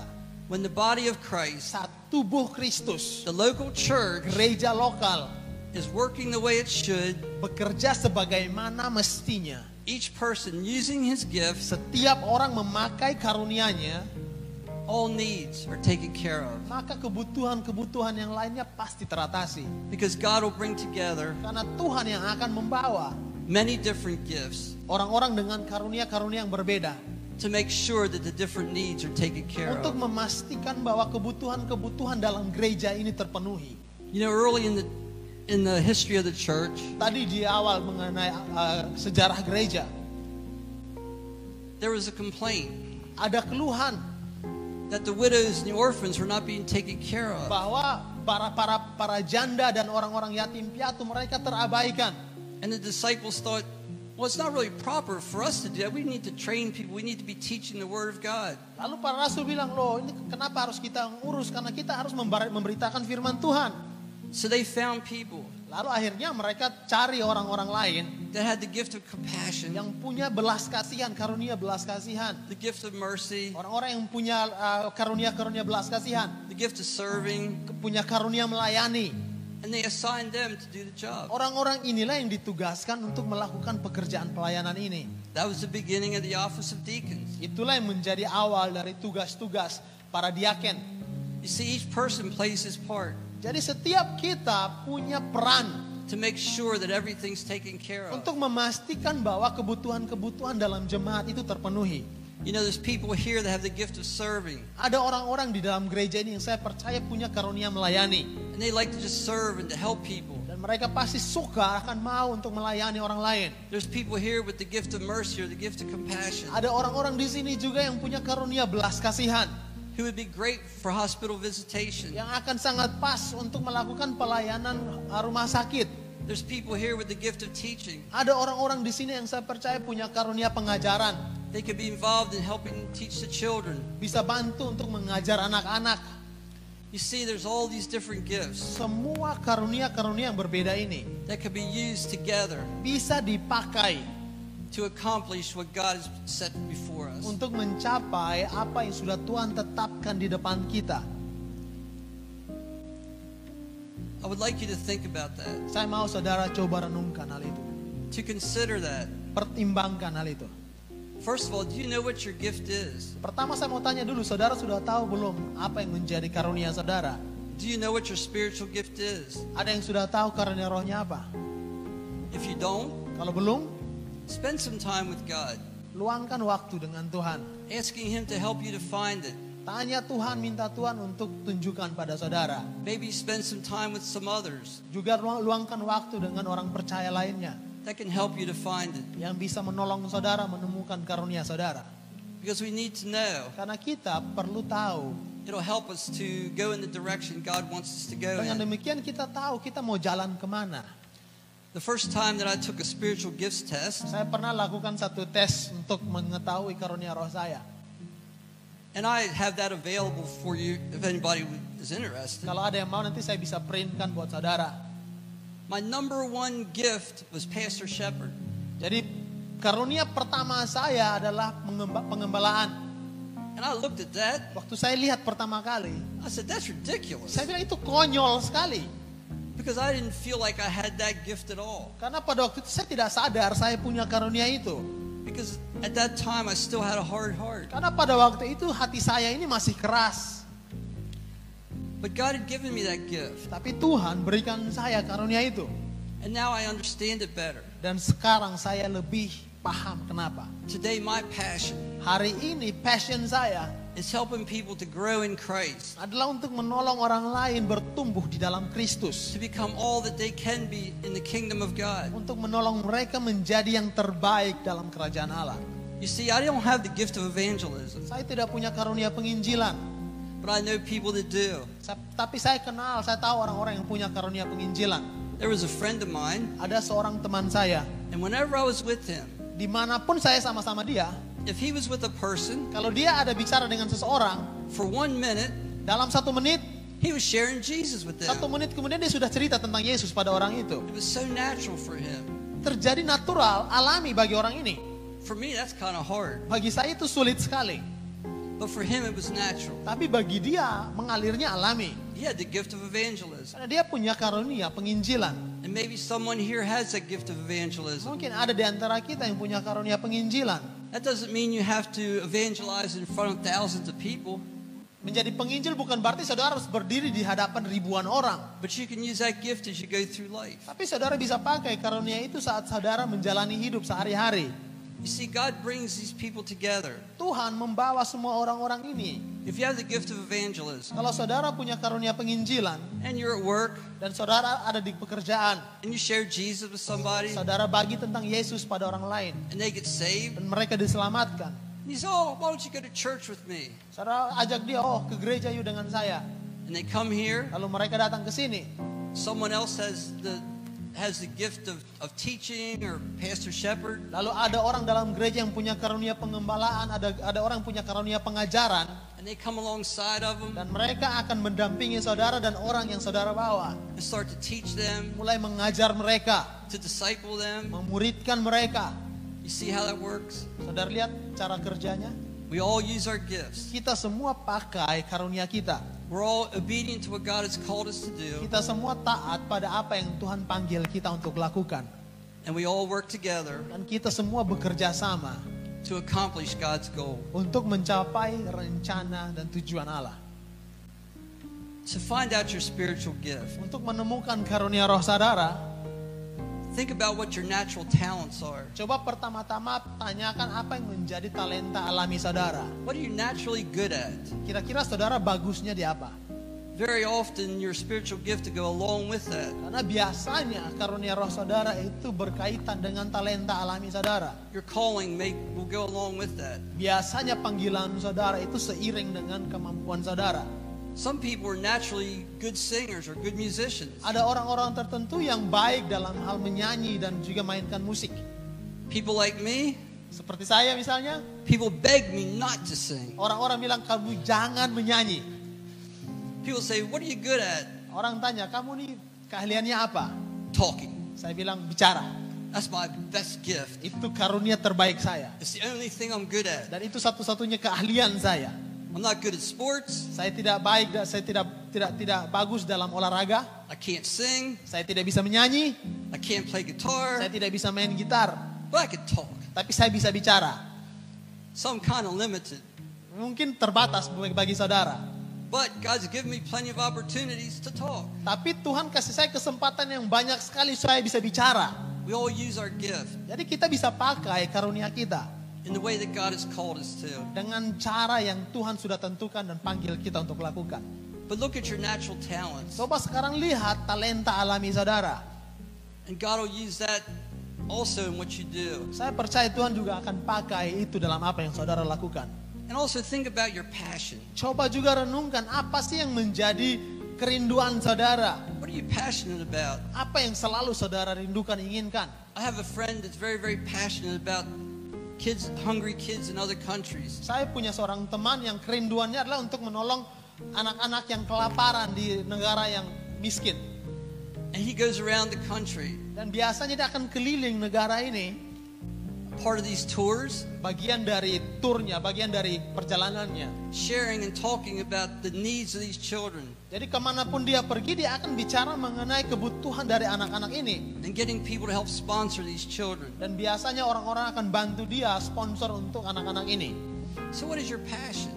Coba sekarang tanya, apa yang menjadi passion saudara? When you look at your gift, your talent, your gift, your talents, and your passions, Saudara, saat saudara lihat mengenai karunia saudara, talenta saudara, passion saudara, it'll help you to know what God wants you to do. saudara akan temukan, oh ini Tuhan panggil saya lakukan ini. It'll help you to know how God wants you to be involved in this particular church, in this particular body. Dengan demikian saudara tahu, oh Tuhan panggil saya ke gereja ini untuk berkontribusi dalam bidang ini. We also have to consider this. Kita harus pertimbangkan juga hal ini. Consider joining. Pertimbangkan untuk bergabung. I believe a couple weeks ago, Saya, saya ingat beberapa minggu yang lalu, I think when I was in Timor Leste, mungkin waktu saya di Timor Leste, Pastor you shared, Pastor Yusuf have shared with you about church membership kalau tidak salah pendeta Yusuf sudah memberikan formulir FAJ and gave you application to join. berikan saudara kesempatan untuk menjadi bagian dari gereja ini. Consider that. Pertimbangkan hal itu. Consider making that commitment Pertimbangkan saudara untuk ambil komitmen ini. To this family. Untuk menjadi bagian dari keluarga ini. It'll help you Ini akan menolong saudara. and it'll help the body of Christ. Juga akan menolong tubuh Kristus. Consider joining. Pertimbangkanlah untuk menjadi bagian. Consider being active. Dan juga pertimbangkan untuk menjadi bagian yang aktif. Consider seeking ways that you can um, uplift Christ through this body. Dan coba cari kesempatan di mana saudara bisa meninggikan Kristus lewat gereja ini. So I would challenge you to do these things. Jadi saya ingin menantang saudara lakukan hal ini. And I believe, Dan saya percaya, and I truly believe this, saya sangat-sangat percaya that if each one of us kalau setiap kita gets serious about our relationship with God, betul serius dengan hubungan kita dengan Tuhan, about serving God in the way that He has called us to untuk melayani Tuhan sebagaimana yang Tuhan panggil kita untuk lakukan and working within this body, dan mau bekerja sama dalam tubuh Kristus di sini. I believe this Saya percaya hal ini. that God will use this church Tuhan akan pakai gereja ini to change this community. untuk mengubahkan masyarakat di sini. I believe that God wants to use this church Saya percaya Tuhan mau pakai jemaat ini to change Kupang. untuk mengubahkan Kupang. I believe that God wants to use this church Saya percaya Tuhan mau pakai jemaat ini to change Indonesia. untuk mengubahkan Indonesia. I also believe He wants to use this church Saya juga percaya Tuhan mau pakai gereja di sini to change the world. untuk mengubahkan dunia. And there's enough variety of gifts and talents Apalagi dengan begitu banyak karunia yang per- yang berbeda di sini. within the people that are here today Dalam diri orang-orang yang hadir di sini. to make that happen. Saya percaya kita semua bisa membuat itu terjadi. When Jesus left, Ketika Yesus terangkat, He had trained 12 disciples, dia melatih 12 orang murid. and those 12 men 12 orang itu changed the world. mengubahkan dunia. There's many more than 12 here Hari today. ini kita lebih dari 12 orang. Let us pray. Mari kita berdoa. Dear Lord and Heavenly Father, Bapa dan Tuhan kami yang di surga. we thank you we praise you. Kami bersyukur Tuhan dan kami memuji We Engkau. thank you for your love. Kami bersyukur untuk kasih-Mu. We thank you for your plan. Kami bersyukur untuk rencanamu. We thank you for your plan to, to grow your kingdom. Kami bersyukur Tuhan untuk rencanamu untuk mengembangkan kerajaanmu. And Lord, maybe today Mungkin hari ini Tuhan, we think about this, kami merenungkan hal ini. and maybe it scares us. Dan mungkin menakutkan bagi kami. How can I do that? Bagaimana hamba bisa melakukan itu? I don't have this. Saya tidak punya ini. I don't have that. Saya tidak punya itu. I'm not smart enough. Saya tidak cukup pintar. Lord, help us Tuhan tolong kami to surrender to you today, untuk berserah pada Engkau hari ini. To say, Lord, I cannot do this. Dan mau berkata pada Tuhan, Tuhan aku tidak bisa melakukannya. I cannot do what you're calling me to do, Aku tidak bisa melakukan apa yang Engkau panggil aku untuk lakukan. but you can help me. Tapi Engkau bisa menolong saya. Tuhan. Lord, I surrender to you Tuhan saya berserah pagi ini. and believe Dan percaya that you're going to do something bahwa Engkau akan melakukan sesuatu to make it happen. untuk mewujudkannya. Lord, we ask you today Tuhan kami berdoa pagi ini kami minta to totally trust you. agar kami mau benar-benar percaya total kepada Engkau. Help us quit listening to the world. Tolong kami agar kami berhenti mendengarkan dunia. Help us to quit listening to the voice of Satan Tolong kami untuk berhenti mendengarkan suara iblis as he tries to distract us, saat iblis mencoba untuk mengalihkan kami, to discourage us, untuk membuat kami putus asa, to make us feel worthless. membuat kami merasa tidak berarti. Help us to understand Tolong kami untuk mengerti that you say we are your children. bahwa Engkau sendiri berkata kami adalah anak-anakmu. We are adopted into your Kami family. telah diangkat menjadi ag- bagian dari- keluargamu. We have great value Kami punya nilai yang berharga and you love us dan Engkau mengasihi kami. and you want to use Dan us. Engkau ingin memakai kami. Lord, use us today Tuhan pakai kami pagi ini hari ini to build up your kingdom, untuk membangun kerajaanmu, to change the world, untuk mengubahkan dunia so that when we stand before you, supaya nanti saat kami berdiri di hadapanmu, we will hear you say to us, kami akan mendengar Engkau berkata kepada kami, Your life counted for my kingdom. hidupmu bermanfaat bagi kerajaanku. In Jesus' name we pray. Dalam nama Yesus kami berdoa. Amen. Amin.